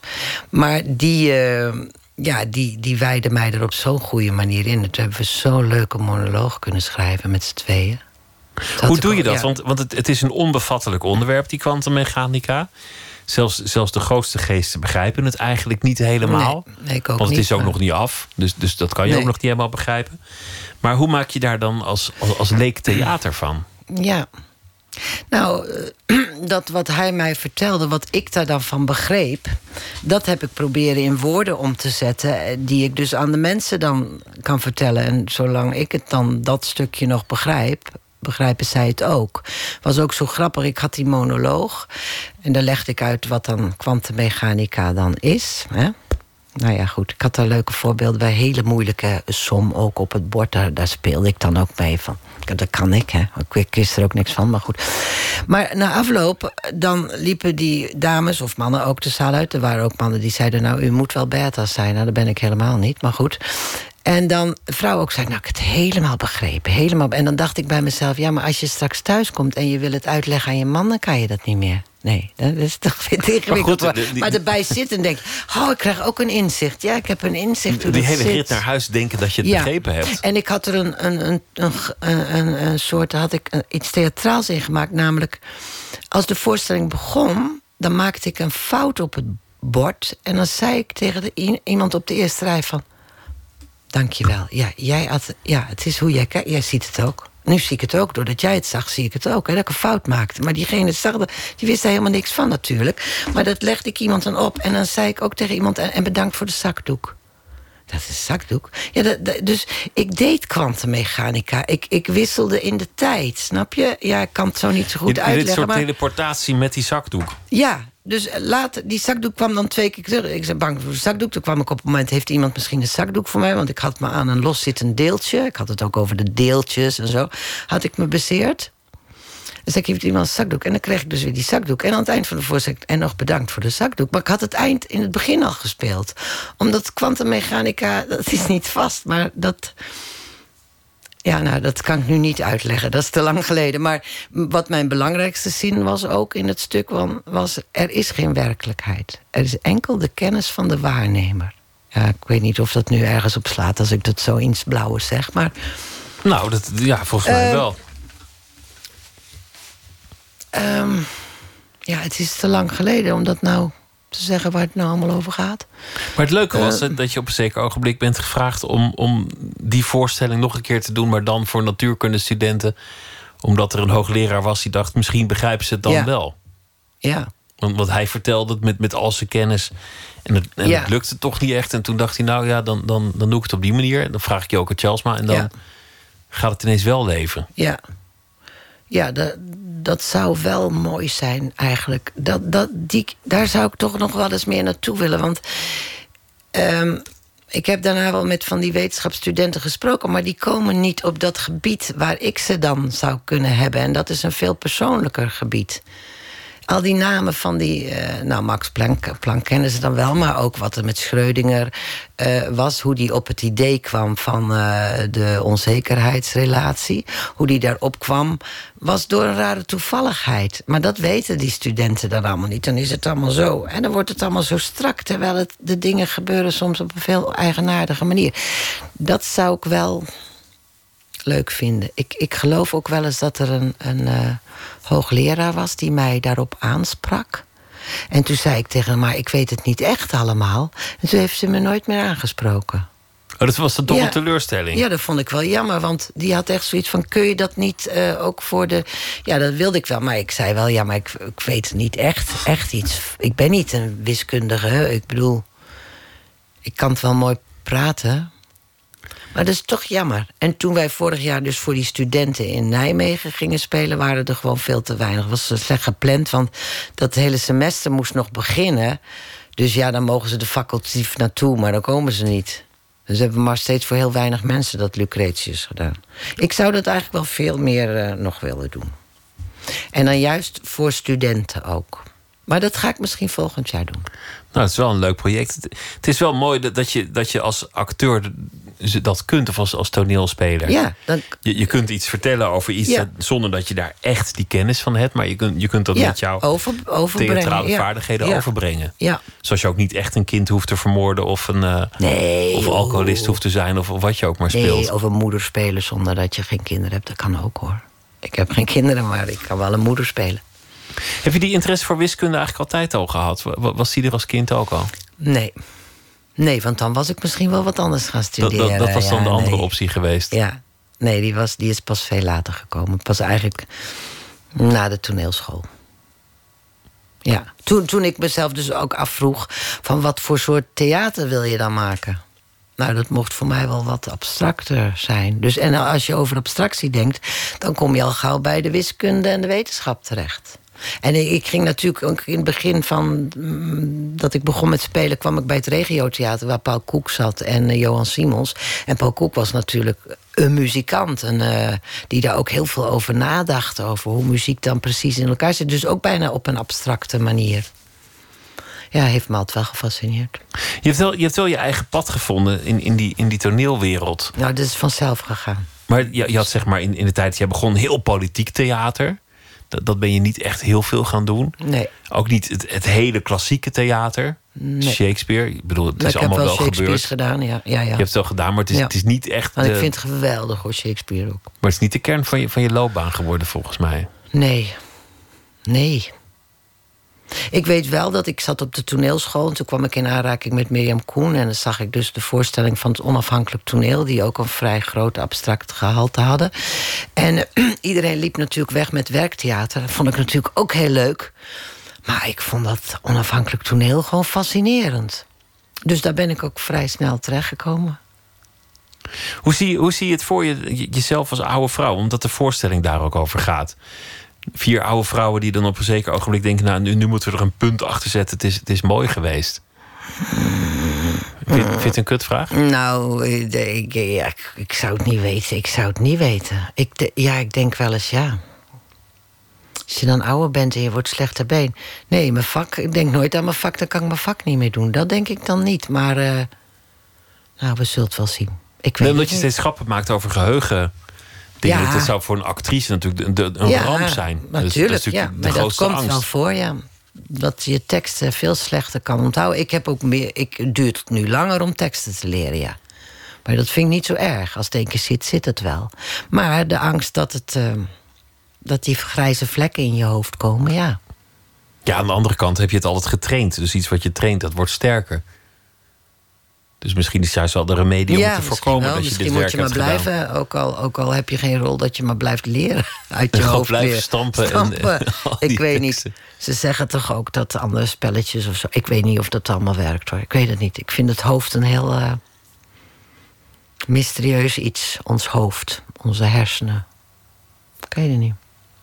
In hoeverre ben jij, ben jij kwetsbaar in je werk, vroeg ik me ook nog af. In hoeverre ben je kwetsbaar voor, voor de reacties of voor het klimaat? Of, of als een, een gezelschap waar je bij zit onder vuur ligt... omdat eh, de, Raad voor de Cultuur het niet vernieuwend vindt of iets anders vindt. Of als, als, als dat soort dingen aan de hand zijn. Hoe, hoe, kwetsbaar ben jij daarin? Nou, ja, best wel kwetsbaar, ja. Want toen dus die eh, hele hetze kwam tegen de kunsten... toen met Halbe Zijlstra, een paar jaar geleden... en dat, eh, dat, eh, dat eh, heeft mij wel heel erg geraakt, ja. Daar was ik wel erg van slag van, ja, tijd. Je, je, je probeert je wel staande te houden. Ik bedoel, je gaat wel doordenken... En, maar je wordt toch even heel erg geschoffeerd. En als hele groep, hè. De, be- de bewondering die ik had voor toneelspelers, zeg maar... of de, hè, wij zijn toneelspelers en daar hoor je bij... dat was even helemaal weg. Dat heeft jou echt geraakt. Ja, dat vond ik echt heel zwaar, ja. Als je het nog even over die overspannen, dan zat dat, dan, dat zijn de dingen die me dan overspannen maken, ja. Dan, dan ga je naar die Niet hard toe. werk of zo, dat maakt me niet overspannen. Maar als er iets naars bij zit, als het niet wil... of, of als je in een groep terecht zou komen... gelukkig heb ik dat niet gehad, maar waar het gewoon niet werkt... of dat je denkt, wat een rare regisseur, die, die, die, die, doet, die doet machtsdingen of zo. Maar hoe is dat nu met, met, met, met, met die waardering? Want die, die is enorm. De, de zaal zit vol. Het publiek Nou. was, was hartstikke enthousiast Ja. toen ik gisteren ging kijken. Ja. Men- mensen vonden het fantastisch. In, in die zin, en dat klimaat rond de kunst is volgens mij ook wel weer eh, wat zonniger geworden. Ja.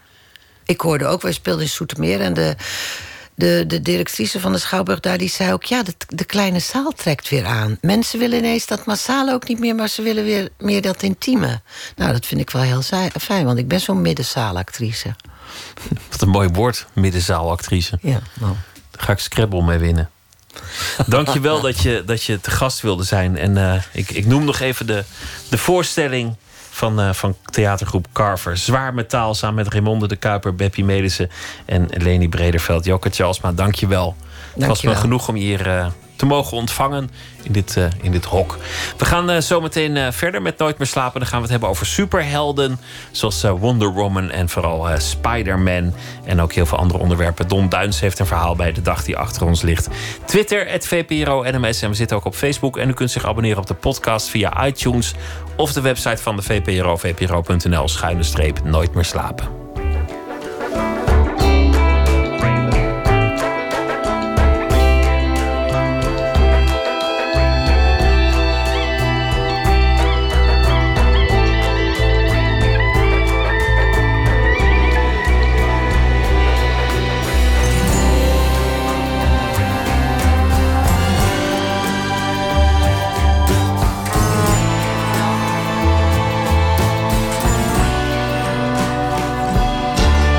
Radio 1.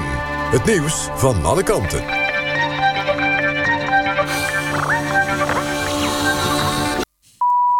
1 uur. Renate Evers met het NOS Journaal. In Zuid-Afrika zijn acht doden gevallen door noodweer. Vooral Kaapstad en omgeving zijn zwaar getroffen... door storm en zware regenbuien.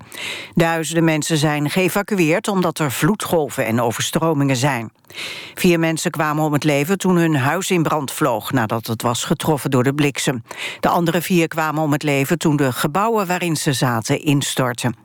De autoriteiten zeggen dat dit de zwaarste storm is van de afgelopen 30 jaar. Het noodweer houdt de komende dagen nog aan.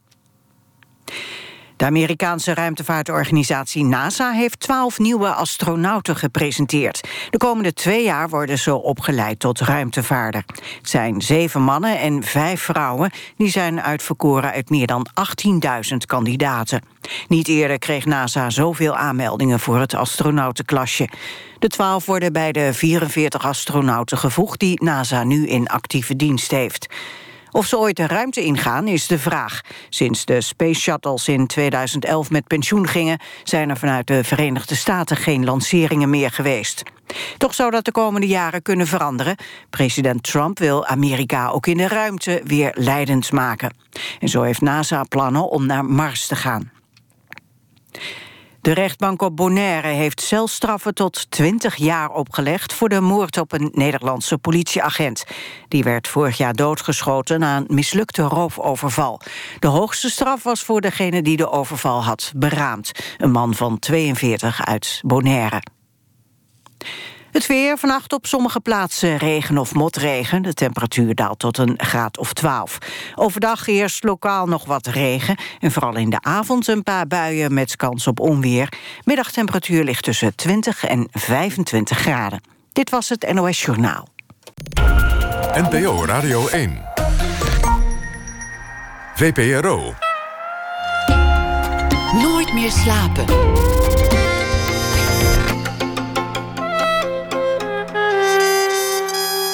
Met Pieter van der Wielen.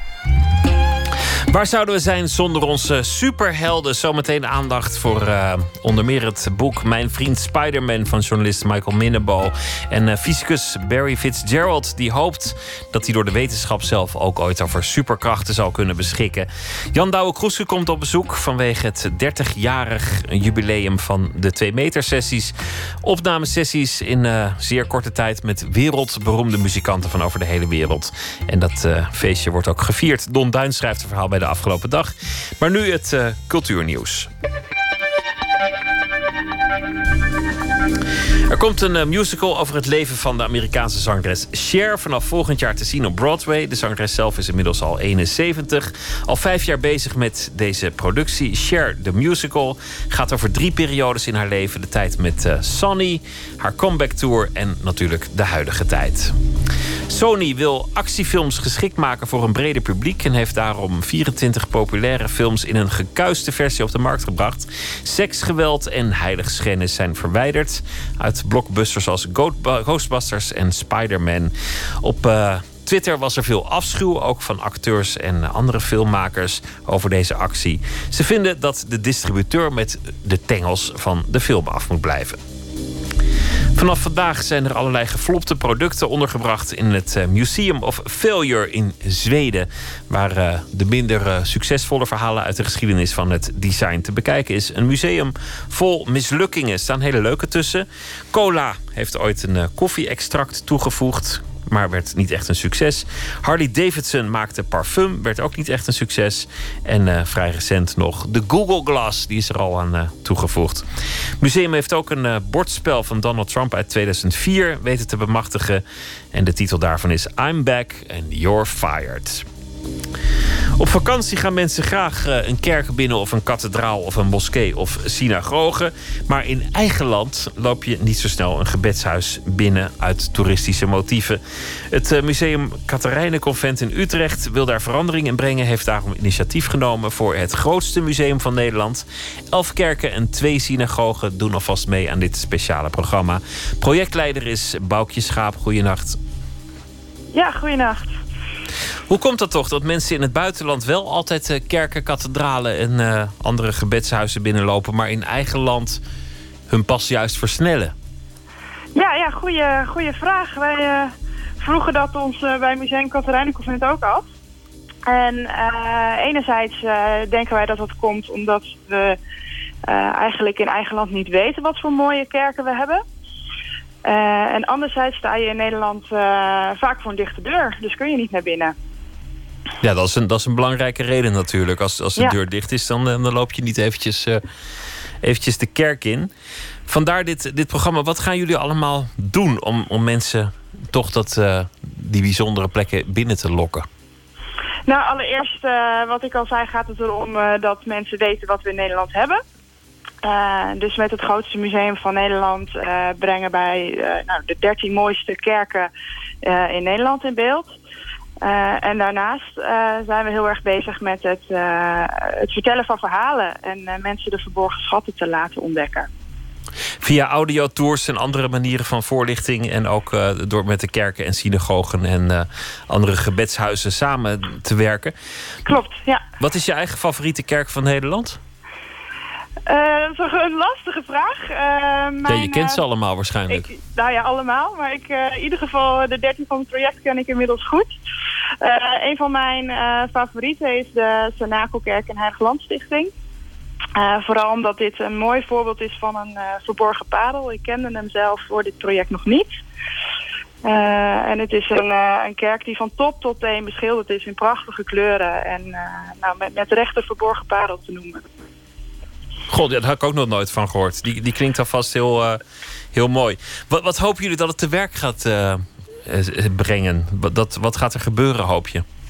Nou, wij hopen allereerst dat er uh, meer mensen naar de kerken toe gaan.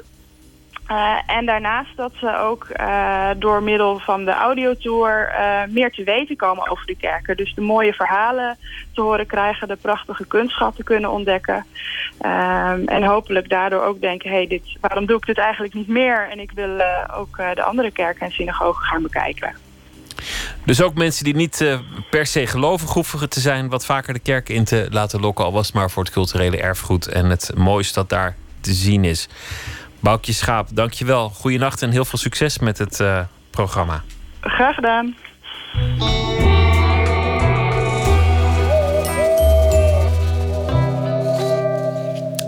Joan Shelley met het nummer We'd Be Home.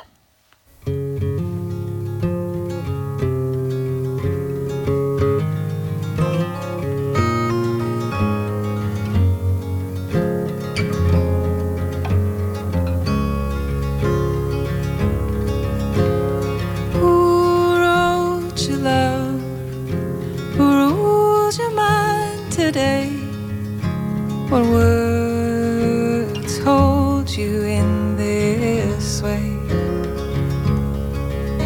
Cause you move your body like a puppet on its lines too easy to see and fluent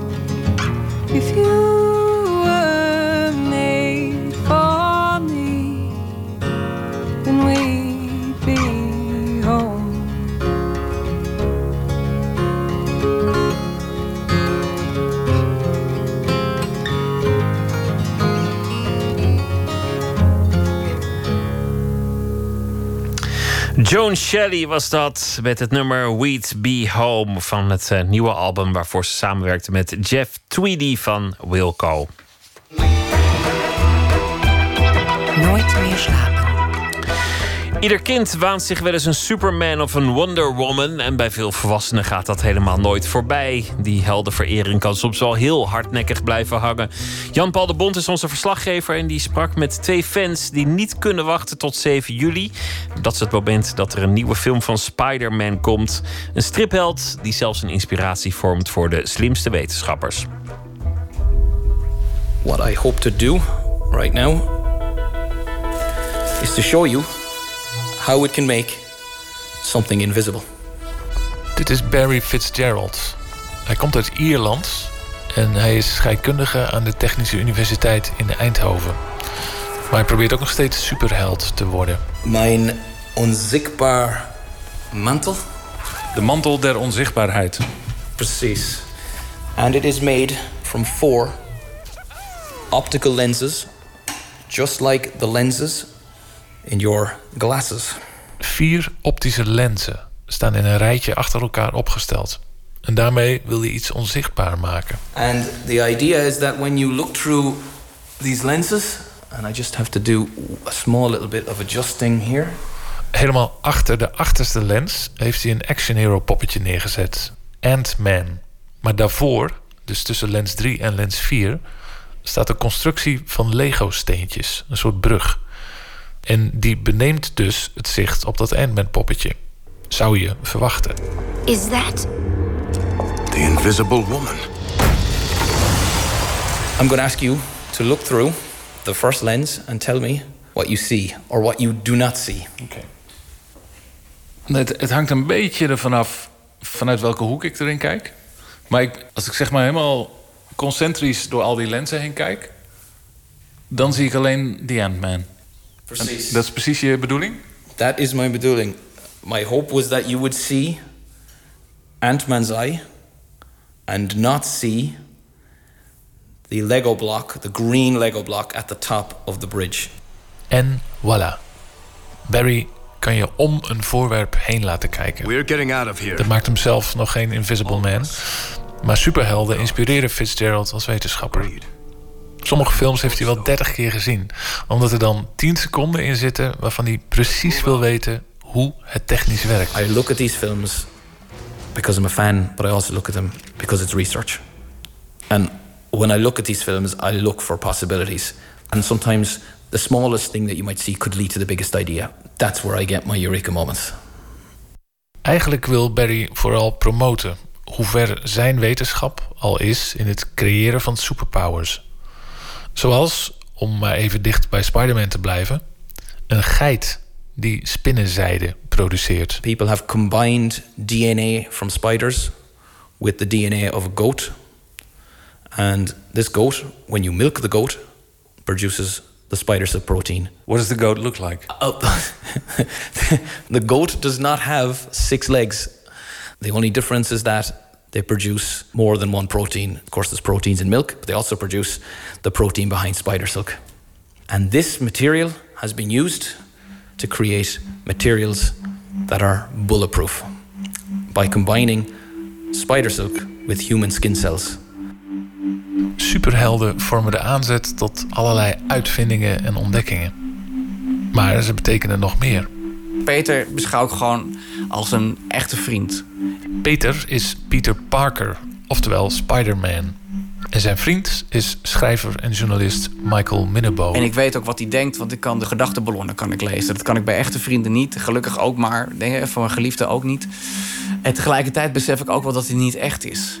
Voordat mensen denken dat die jongen moet eigenlijk in een. Uh, met, er moeten een paar mannen met witte jassen komen. en dan moet met een dwangbuis weggebracht worden. Maar dat maakt dus eigenlijk niet uit. Want heel veel mensen geloven in, in figuren die niet echt zijn. en daar hechten daar toch heel veel waarde aan. Michael schreef Mijn vriend Spider-Man. Waarin hij onderzoekt wat die vriendschap nou eigenlijk inhoudt. en hoe die is ontstaan. Maar de vraag is natuurlijk eigenlijk: wat maakt Spider-Man dan zo boeiend om een heel boek over te schrijven?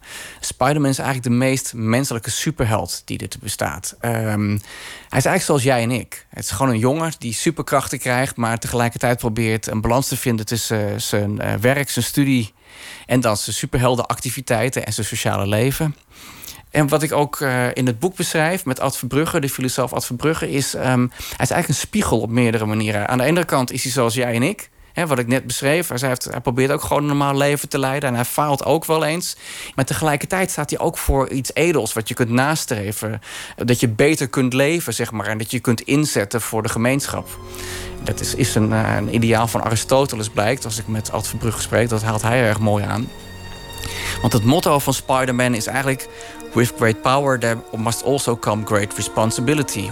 Whatever life holds in store for me... I will never forget these words. With great power comes great responsibility. This is my gift, my curse. Who am I? I'm Spider Man. Oftewel, als je krachten hebt of iets speciaals hebt, dan moet je iets doen voor je gemeenschap. Super moralistisch. Ja, maar daar is er niks mis mee natuurlijk. Dat er iets moralistisch is of dat de wereld wordt gereflecteerd, vind ik. En dat je daar dingen van kunt leren. Ik heb zoveel geleerd van Spider-Man en van series in het algemeen ook wel. Mijn ouders scheiden in 1987 toen ik tien was. En Spider-Man ging toen net trouwen. Dat was een uh, rare toevalligheid. Van, en, um, maar dankzij Peter Parker zag ik hoe dat eigenlijk in elkaar zit, zo'n relatie en zo'n huwelijk. Bijvoorbeeld zijn vrouw, Mary Jane, is een hele stoere vrouw. En, en, en hij kan bij haar terecht als hij het moeilijk heeft met zijn dilemma van Spider-Man zijn. Nou, dat zijn hele leerzame dingen, vond ik als kind zijn. Ik ben altijd op zoek geweest naar mijn Mary Jane, zeg maar, daarvoor in relaties. Van, uh, dat je elkaar Nou, dat vind ik heel. Uh, dat vind, ja, als je dat moralistisch wil noemen, mag dat. Maar ik vind het eigenlijk wel heel fijn dat we op die manier dingen leren, zeg maar. En ondertussen vind ik troost in het feit dat hoe hard hij het ook probeert, dat het vaak niet helemaal goed gaat zoals hij wil. En dat heb ik zelf in mijn leven ook eigenlijk. Uh, we hebben allemaal wel een keer ons hart gebroken. En een van die situaties beschrijf ik in het boek. Dat ik ooit dacht de, de ware gevonden te hebben en dat liep helemaal mis. En toevallig was het met, met Peter en Mary Jane ook, ging het ook niet lekker hun relatie. En want Mary Jane wist niet helemaal wat haar rol was in een superheldenhuwelijk. You shouldn't be here. I know you think we can't be together. But can't you respect me enough to let me make my own decision? En daar heb je heel veel troost uit, zeg maar. Dat je denkt, ah, hij, heeft, hij maakt hetzelfde mee als ik. En dan kan je kijken naar hoe gaat hij er dan mee om. En, eh, en dat vind ik, ja, dat vind ik wel heel mooi. Mary Jane. Peter.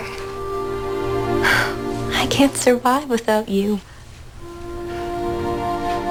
Het leuke aan het, dit boek schrijven was dat ik met vragen zat. Over mezelf, over fan zijn, over Spider-Man. En ik heb mensen gezocht om die antwoorden daarbij te vinden, zeg maar. Dus met Daan Westering praat ik over het doodgaan van strippersonages. Wat hebben we daaraan in het dagelijks leven? Bereidt het ons voor op de dood van naasten of onze eigen sterfelijkheid? Hoe gaan we daar dan mee om? De eerste begrafenis die ik meemaakte was een begrafenis uit een Spider-Man comic. Dus ik had toen het later echt iemand begraven werd, een beetje een idee van hoe dat dan gaat en wat er van je verwacht wordt. En eh, dat vond ik heel, dat is echt heel belangrijk.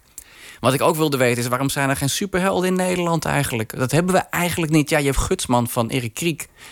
En dat is een parodie. En waarom is dat een parodie? Omdat superhelden zo verschrikkelijk Amerikaans zijn, in de, tot op het bot. In Amerika is het de normale mens stijgt boven de massa uit doordat hij iets bijzonders heeft. In Nederland is het, als je boven de massa uitstijgt, dan hakken we je kop eraf.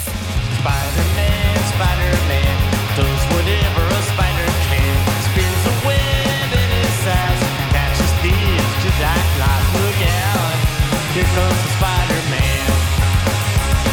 Peter en ik gaan, eh, ja, die, zit altijd wel in mijn hoofd. Net zoals echte goede vrienden eigenlijk. Ik hou van, gewoon van die gast, dat is gewoon zo, ja. Hij is onderdeel van mijn DNA en van mijn, van mijn levensvisie. Maar ja, ook van je identiteit. Ja, mijn fan-identiteit, dat zei Linda Duits ook mooi. Je bent er echt professioneel ook mee bezig en, en, en, en, en privé. Dus fan zijn van Spider-Man en stripjournalist zijn is onderdeel van wie ik ben. Ja, maar ik bedoel het nog minder concreet. Maar dat je... Zoals je natuurlijk allemaal een beetje leentje buur speelt... met karaktertrekken van je directe live vrienden. Maar hoe vaak heb jij dat met Peter Parker? Vroeger misschien wat meer dan nu. Ehm, maar je bedoelt dat ik dan denk van... Oh, dat is, het is wel heel vaak... Nou, dat, dat, dat beschrijf ik in het boek ook wel. Als ik in de put zat en, je, en ik zie het niet zitten... en ik zeg zat en het zit... want ik zit nog steeds wel eens een keer in de put... Nou, tijdens het schrijven van het boek ook. Er zijn momenten geweest dat ik... Jezus, hoe ga ik dit nou weer oplossen? Of ehm, hoe ga ik dit nou weer aan elkaar brengen? Of ik stop er even een tijdje mee. Of ik geef het op. Ik denk, nou, Peter zou ook niet opgeven. Niet zo zeiker, weet je wel. Dus eh, morgen weer verder. Huppakee. Dus op in dat opzicht ja, zit hij altijd... Is het bijna een soort stemmetje in je hoofd of zo? Een, een soort coach. Ja.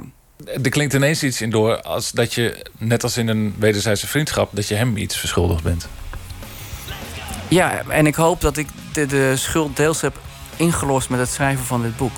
Want ik wil eigenlijk ook wel mensen laten zien wat voor toffe gast het eigenlijk is. Het is eigenlijk ook een biografie van wie hij is. En ik wilde laten zien, daarom heb ik ook heel erg... Ik heb een paar hoofdstukken geschreven die heel erg over Peter Parker gaan... en waarom hij doet wat hij doet en waar hij vandaan komt. Om aan jou duidelijk te maken als lezer, zeg maar... als je het niet goed kent, wat voor toffe gast het eigenlijk is. Bijna alsof je een biografie van, nou, van, van Obama zou lezen... of van Bob Dylan of weet ik veel wat, weet je wel. Maar keurt hij wel eens iets af wat je doet? Nee, want we, ik heb een parasociale relaties, zoals dat zo mooi heet. Dus hij weet eigenlijk niet dat ik besta, hè, officieel.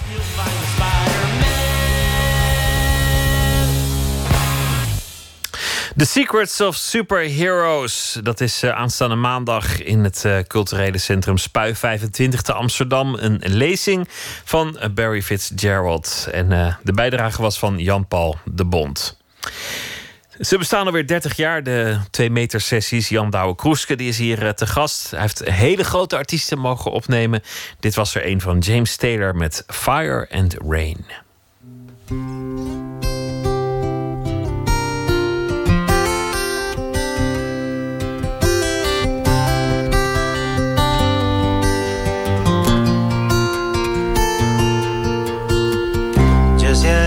Morning, they let me know you were gone. Suzanne, the plans he made put an end to you.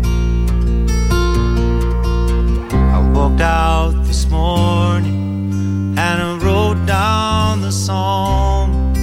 I just can't remember who to send it to. fire and I've seen rain. I've seen sunny days that I thought would never end.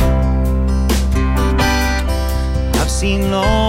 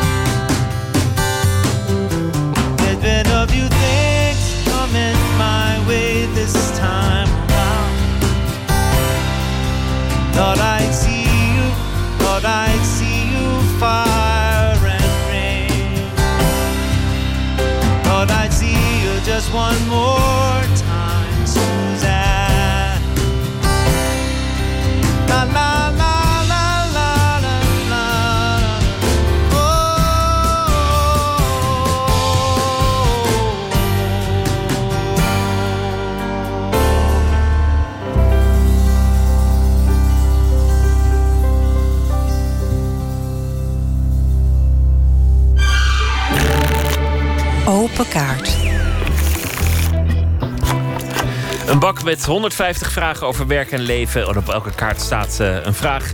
Te gast is Jan Douwe Kroeske, presentator en programmamaker. Bekend van vele, vele programma's. Langs de lijn, Jules Unlimited. eh 12 steden, 13 ongelukken, 2 meter de lucht in. En toch misschien wel het meest bekend vanwege de 2 meter sessies.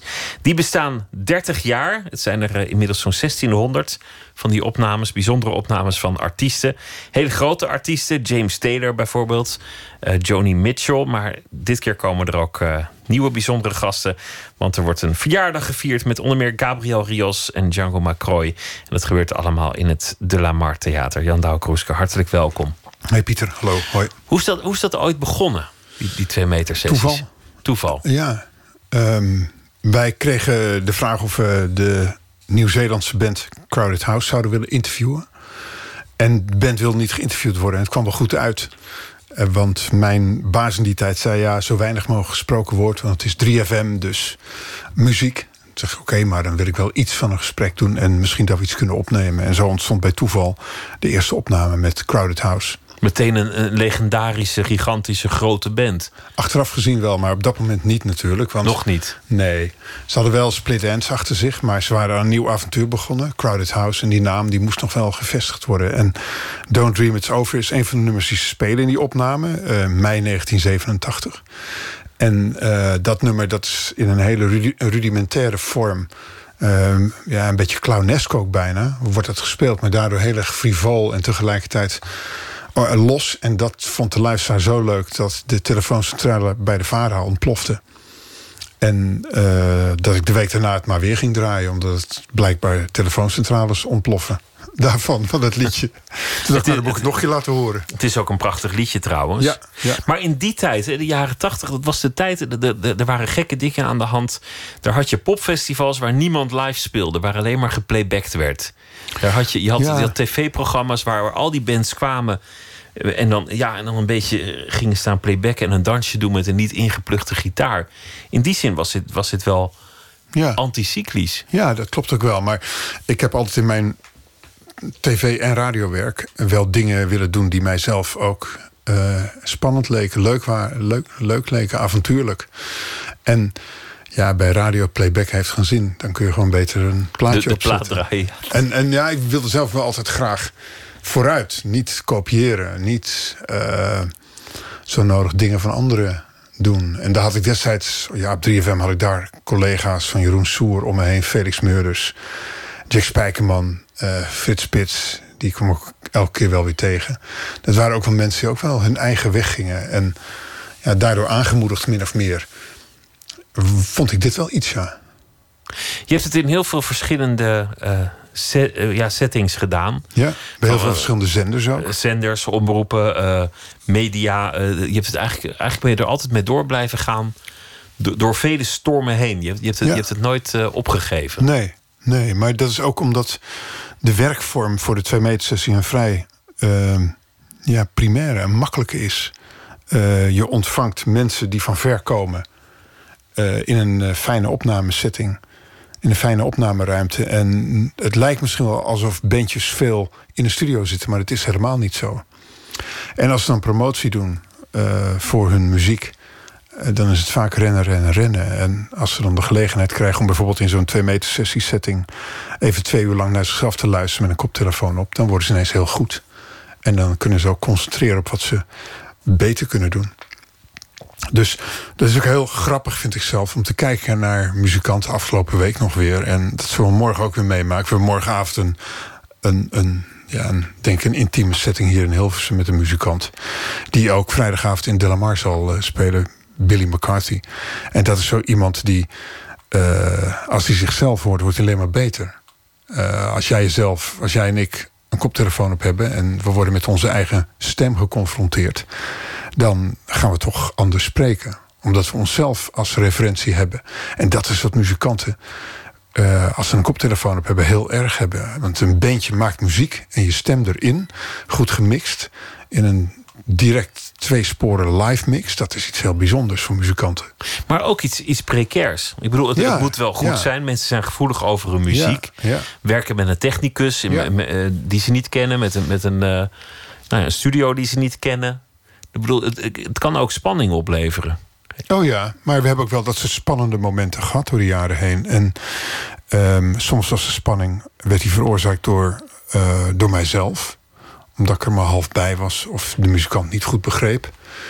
Of de spanning door het bandje, omdat er onmin was in het bandje. Of de spanning werd veroorzaakt door eh, andere factoren. Bijvoorbeeld een technici die per se vanuit de band achter de knoppen wilde zitten. Maar dat wil ik nooit.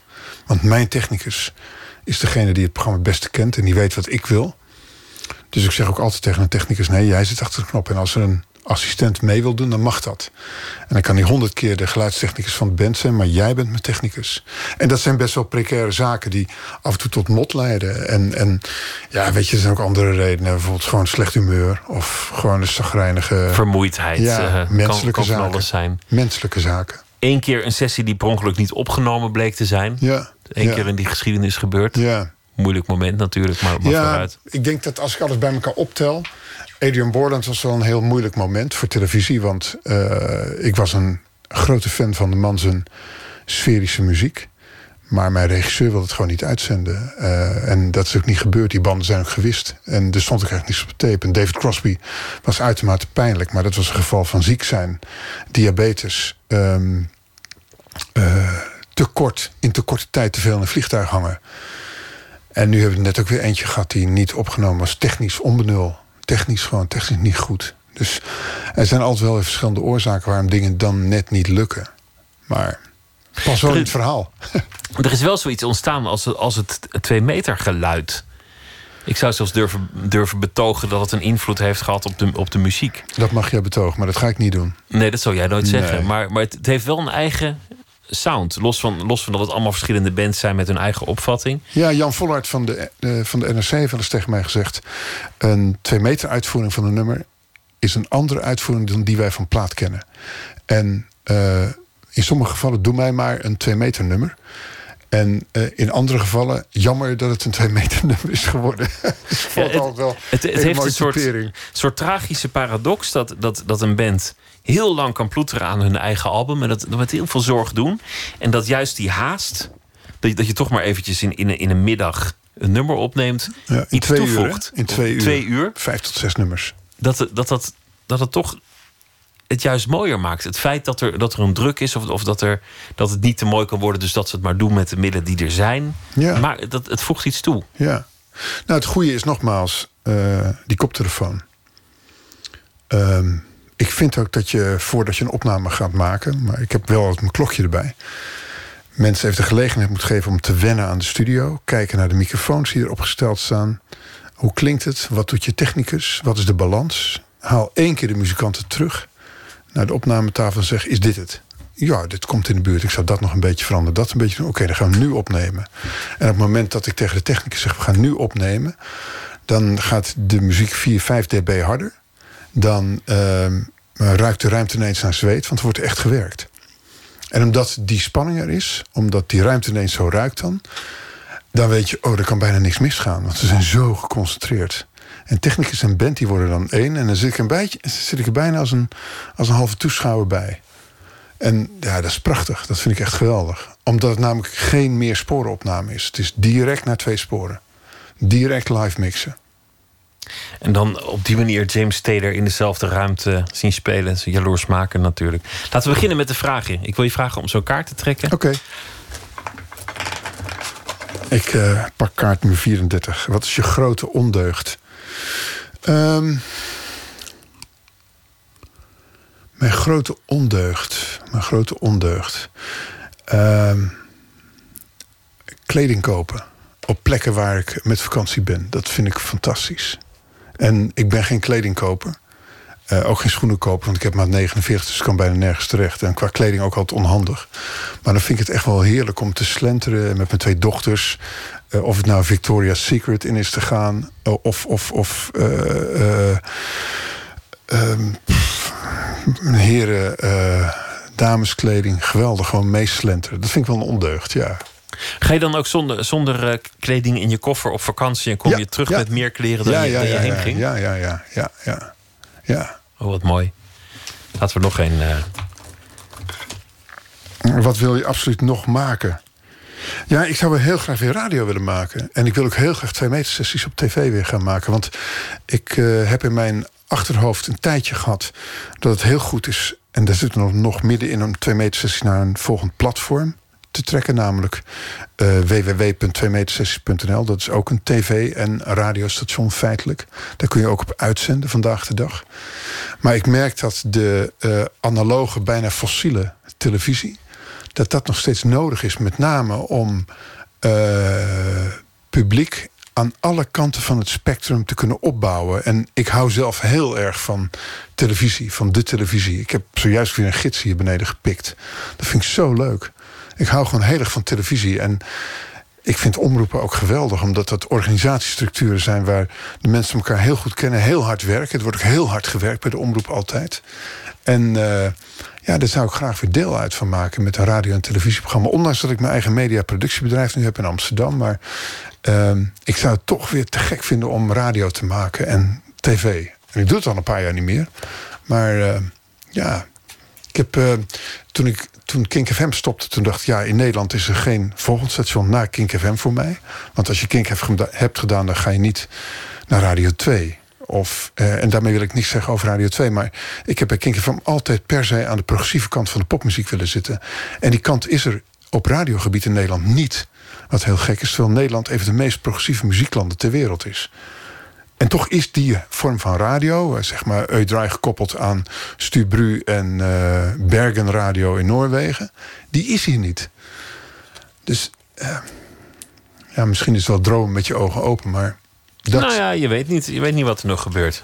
Weet je niet. Ja. Zullen we nog zo'n vraag doen? Ja, zeker. Dit vond ik een hele leuke vraag. In welke rotstreek heb je geleefd om je werk voor elkaar te krijgen? Aha. Welke rotstreek heb je geleefd om je werk voor elkaar te krijgen? Eh, goh, Ik vind de geslotenheid van de vraag wel geestig. Niet, niet Ja. heb je een rotstreek geleverd, nee. welke, rotstreek? Ja, precies. Dat is wel. Daar kan ik ook niet. eh, daar kun je niet. Ja. Ik denk dat ik bij eh Jules Unlimited geen rotstreek heb uitgehaald. Ehm, want dat was echt heel erg werken op. Ja, het was altijd 100% spanning werken. Bij 12 steden 13 ongelukken was ik een onderdeel van een radar. Daar kon je geen rotstreken uithalen. Ehm, welke rotstreek heb je, heb je geleefd om je werk voor? Ik heb er langs ook geen rotstreken uitgehaald. Bij twee meter ja, ik heb wel eens getwijfeld. En daar wel een beetje op gezin speelt. Dat we misschien naar een andere studio zouden moeten gaan. Zouden moeten uitwijken om eh, beter werk te kunnen maken. Dat zou ik dan een rotstreek kunnen noemen. Maar nou, Nou, nee. nee, ik heb wel grotere Nee. rotstreken meegemaakt. Nou, dan, dan, Nee. dan valt het wel mee, ik vind denk wel, ik. ik vind wel, als ik heel eerlijk ben, ik vind het wel heel moeilijk om ehm, een bedrijf goed te doen. Ehm, er werken nu bij mijn bedrijf twaalf mensen. En ik kan me best wel voorstellen dat er in het verleden, of nu misschien ook wel, mensen af en toe denken van. eh, het is best wel wringen af en toe met twaalf man. En eh, dan moet je een volgende opdracht binnenhalen. Dan moet je hard rennen. Dan word je af en toe lelijk tegen elkaar. En dan moet je dat weer goed praten. Moet je lief zijn voor elkaar. En eh, uitleggen waarom je af en toe gewoon je bui niet hebt. Misschien valt het wel onder mijn rotstreken. Dat het, het harmonisch, harmonieus leiding geven aan een bedrijf... dat, dat vind ik wel moeilijk. En eh, ik denk dat mensen me wel eens zouden kunnen betichten... dat ik eh, niet altijd in het model van harmonieus zou passen. Dat kan wel, want ik heb wel het idee af en toe van... nou, nu moeten we gewoon even gas geven en nu kom op. En eh, nee, even geen tijd nu voor gedoe, maar daar moeten we heen. Dat, is- dat is directief, onhandig. eh, Maar ja, dat zijn, dat zijn nog steeds geen, geen rotstreken. nee, maar ik denk niet dat ik... Ja, nou, ja. dan heb je ze gewoon niet. Op welke vraag had je eigenlijk gehoopt? Hm. Geen. Ik ga er open in. Ik ga er, ik ga er open in. Ik zal ook op elke vraag altijd naar eer en geweten proberen te antwoorden. Sommige dingen die zal ik niet, niet benoemen. Eh, ik praat nooit zoveel over mijn privé. Dat vind ik gewoon niet leuk.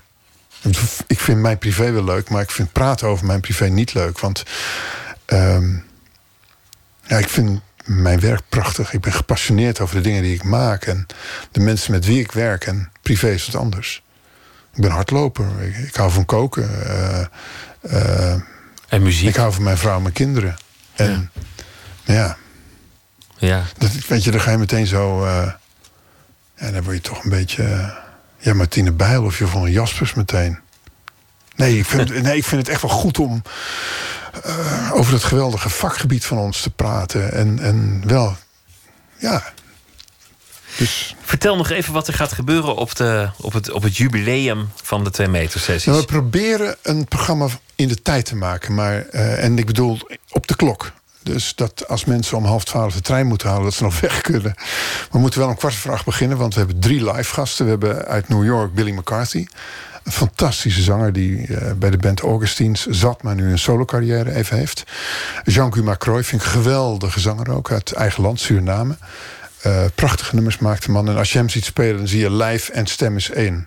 Eh, dat is fantastisch om te zien. En Gabriel Rios vind ik genot om naar te kijken. Nou, die kennen we allemaal natuurlijk. Dus deze drie muzikanten staan wel heel dichtbij twee meter sessies ook. Dus vandaar ook uitgenodigd. Eentje uit Nederland-Suriname, eentje uit New York en eentje uit eh, België, eh, Midden-Amerika. En daaromheen en daartussendoor en onderlangs met het publiek wil ik graag weten eh, welke anekdotes men wil horen bij welke live tracks. Of bij welke video-instarts van het 2 meter archief. Want we zijn op tv sinds 1993. We hebben een beeldarchief van zo'n 600 à 650 eh, sessiegasten. Ehm, en we hebben er zo'n 1600 opgenomen. Nou, ik denk niet dat men om audio zal gaan vragen, maar wel om audio met beeld erbij. En dus we hebben gewoon gezegd, nou, we nemen alles mee qua beeld. En eh, we laten gewoon een titelrol bij wijze van spreken lopen achter me. En uh, mensen kunnen kiezen uit een nummer. En ik heb bij de meeste van de nummers wel een anekdote die erbij hoort. Of nou over David Crosby gaat. Of het gaat over Crowded House. Of het gaat over Truck the Keks of The Scene. Of Fleming, Nits, Beatles, uh, Richard Jansen, noem allemaal maar op. Uh, daar zitten wel verhalen bij. Ik heb het vrij goed in mijn hoofd zitten... omdat ik met de muzikanten heb mogen werken. En dat vergeet je nooit. Beatles, dat, is, dat, is, nee, dat ging te ver. Dat is niet gebeurd, toch? Nee, Beatles niet. Maar we hebben wel een uitzending gemaakt rond de Beatles. Oh, ja. met, met, met, met Fleming, met Jan-Paul van der Meij... Pim Kops, Henk Hofstede um, en Jan Bart Meijers... En we hebben ook nog een aantal andere gasten gevraagd om Beatles-nummers te spelen. Dat is waar, ja. Barry Hay, Barry Hay en zijn Barking Dogs. Het was echt fantastisch, want Barry Hay vertelde mij... heeft mij geprobeerd zo'n kok in de keuken uit te leggen... waarom Happiness is a Warm Gun zo'n moeilijk nummer is van de Beatles. Het, is, uh, het zit een beetje atypisch in elkaar. Het zit een traag deel in en een versnelling. En het is voor een zanger heel moeilijk te zingen... en voor een band al heel moeilijk te spelen. En als je die twee dan bij elkaar hebt hij zegt, het is bijna ondoenlijk dit nummer. Dus daarom wil ik het spelen. En toen speelde hij dat en dacht ik van, yes, Barry Hay. Gaaf. Zo goed. Heel veel plezier, Jan Douwe Kroeske. Dank je wel. Dank je wel. Prettige nacht.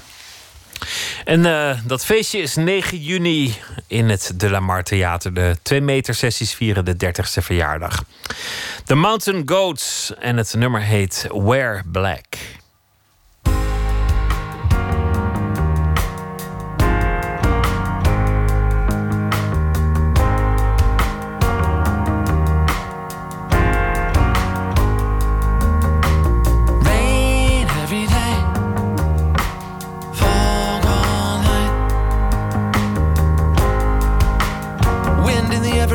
Cypresses.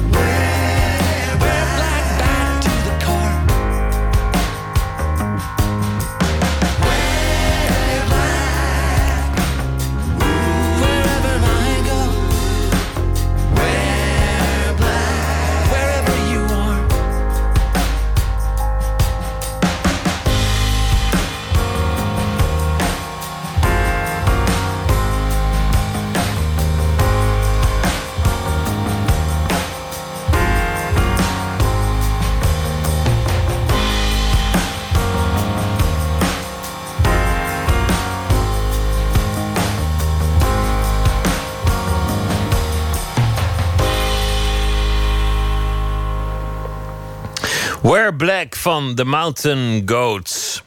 Eén minuut en deze heet Ongeluk en is gemaakt door Hannes Walraven.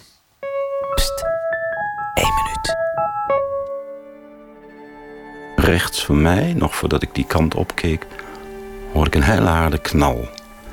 En ik draaide me naar rechts en ik zag op ooghoogte een taxi in de lucht op me afkomen vliegen. En ik nam een besluit. Klein sprongetje naar achteren. En op het moment dat ik dat deed, hoorde ik zo'n geluid langs me heen komen. Zo van en ik keek naar links en ik zag hoe die taxi er naar beneden plofte en op de grond knalde. Ik zette mijn fototas neer en ging op zoek naar mijn eh cheque. En op hetzelfde moment stonden echt tientallen mensen om me heen, helemaal verbaasd naar me te kijken. En eh, iemand raakte me ook aan, alsof ik een van de verschijningen was. Merkwaardige ervaring. Ben ik nooit vergeten. Tijd opeens stil blijft staan. Het is een beetje alsof een film heel traag gaat lopen.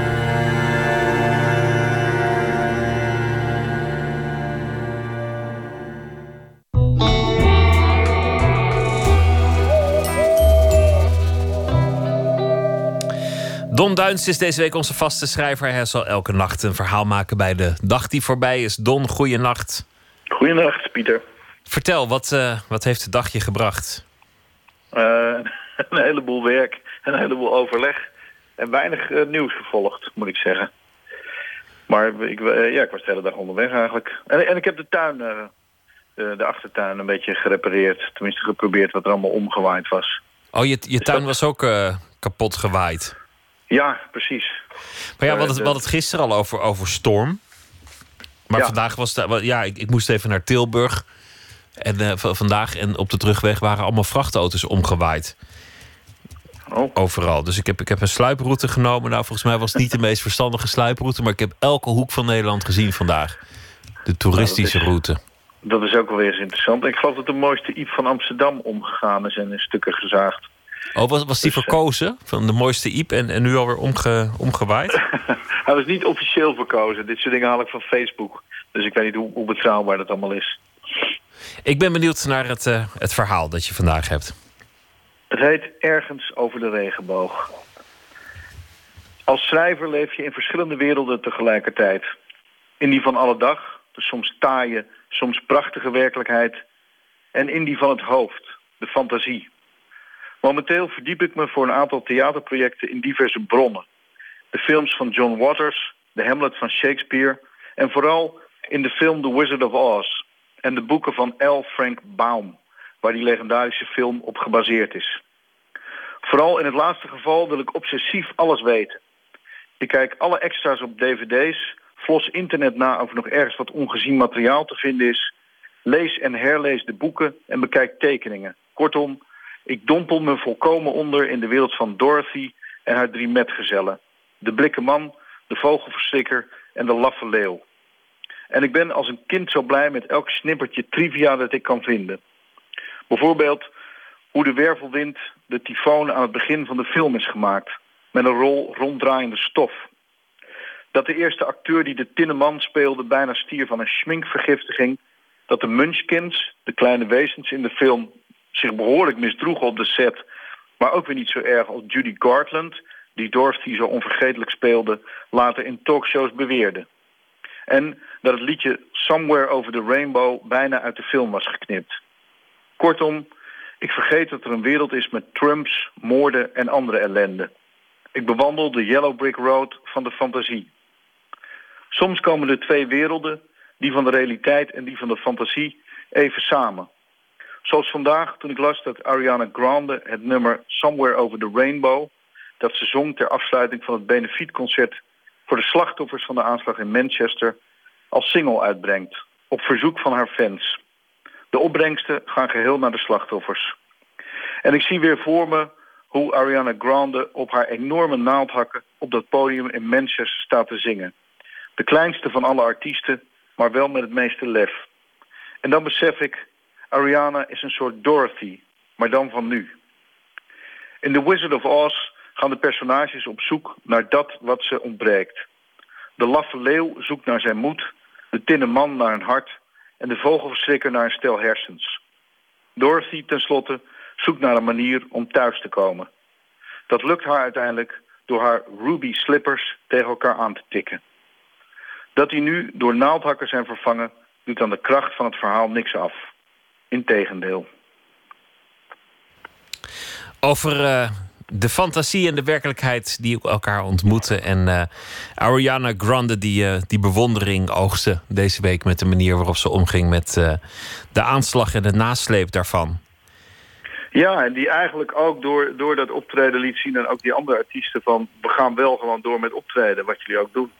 En, of jullie, wat er ook gebeurt. En dat vond ik wel eigenlijk heel sterk. Je zou het ook sentimenteel kunnen vinden... maar ik vond het eigenlijk gewoon eh ijzersterk. Ik vond het ook sterk. Ik, vond, eh, ik merkte eigenlijk dat ik het moediger vond om, om eh, lieve dingen te zeggen. Dan, dan om te zeggen, we, we pakken ze en we gaan ze terugpakken en heldhaftige taal uit te slaan. Dit, dit vergde volgens mij meer moed. Ja, en voor die artiesten is het natuurlijk heel precair. Want op het moment dat je het zelf niet meer het podium op durft... is, is dat je ook afgenomen. Dus ik vond het een heel goed, goed statement eigenlijk. En over dat lieve ben ik het wel met je eens, ja, zeker. Don, dankjewel. Goeienacht en eh, tot morgen weer. Goeienacht, tot morgen. Poëzie van Eva Gerlach. En eh, deze nacht zal zijn gedicht voordragen. Dat heet Geen Ding.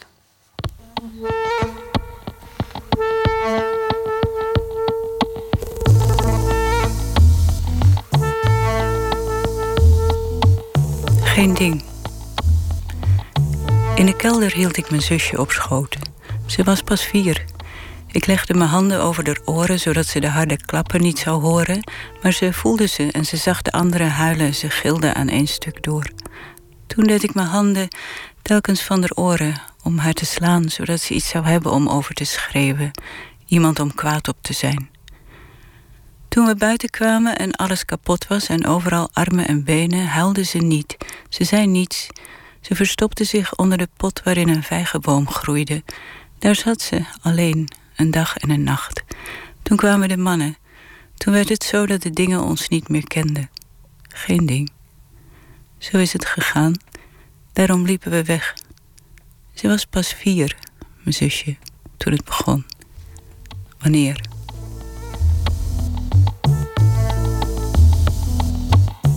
Uit een reeks oorlogsgedichten geschreven in opdracht van Het Liegend Konijn, een tijdschrift dat een oorlogsnummer uitgaf. Ik heb toen een aantal YouTubes zitten bekijken van kinderen in eh, vluchtelingenkampen in Syrië. Die vertelden wat ze hadden meegemaakt.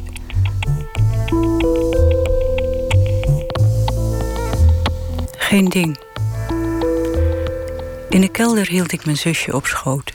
Ze was pas vier. Ik legde mijn handen over haar oren zodat ze de harde klappen niet zou horen, maar ze voelde ze en ze zag de anderen huilen. Ze gilde aan één stuk door. Toen deed ik mijn handen telkens van haar oren om haar te slaan, zodat ze iets zou hebben om over te schreeuwen, iemand om kwaad op te zijn. Toen we buiten kwamen en alles kapot was en overal armen en benen, huilde ze niet. Ze zei niets. Ze verstopte zich onder de pot waarin een vijgenboom groeide. Daar zat ze, alleen, een dag en een nacht. Toen kwamen de mannen. Toen werd het zo dat de dingen ons niet meer kenden. geen ding. Zo is het gegaan. Daarom liepen we weg. Ze was pas vier, mijn zusje, toen het begon. Wanneer?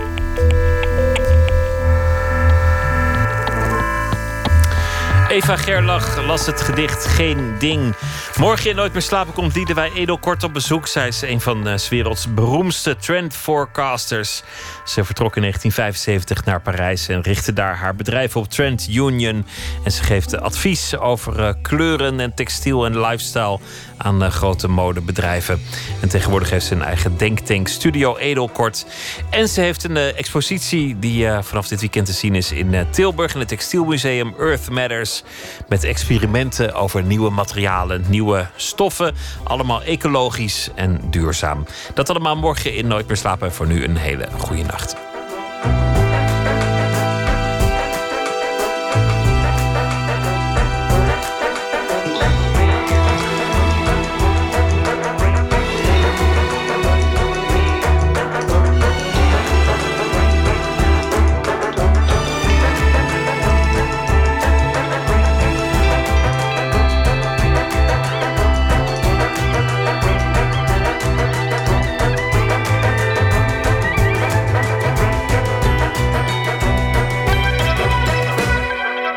Radio 1, het nieuws van alle kanten.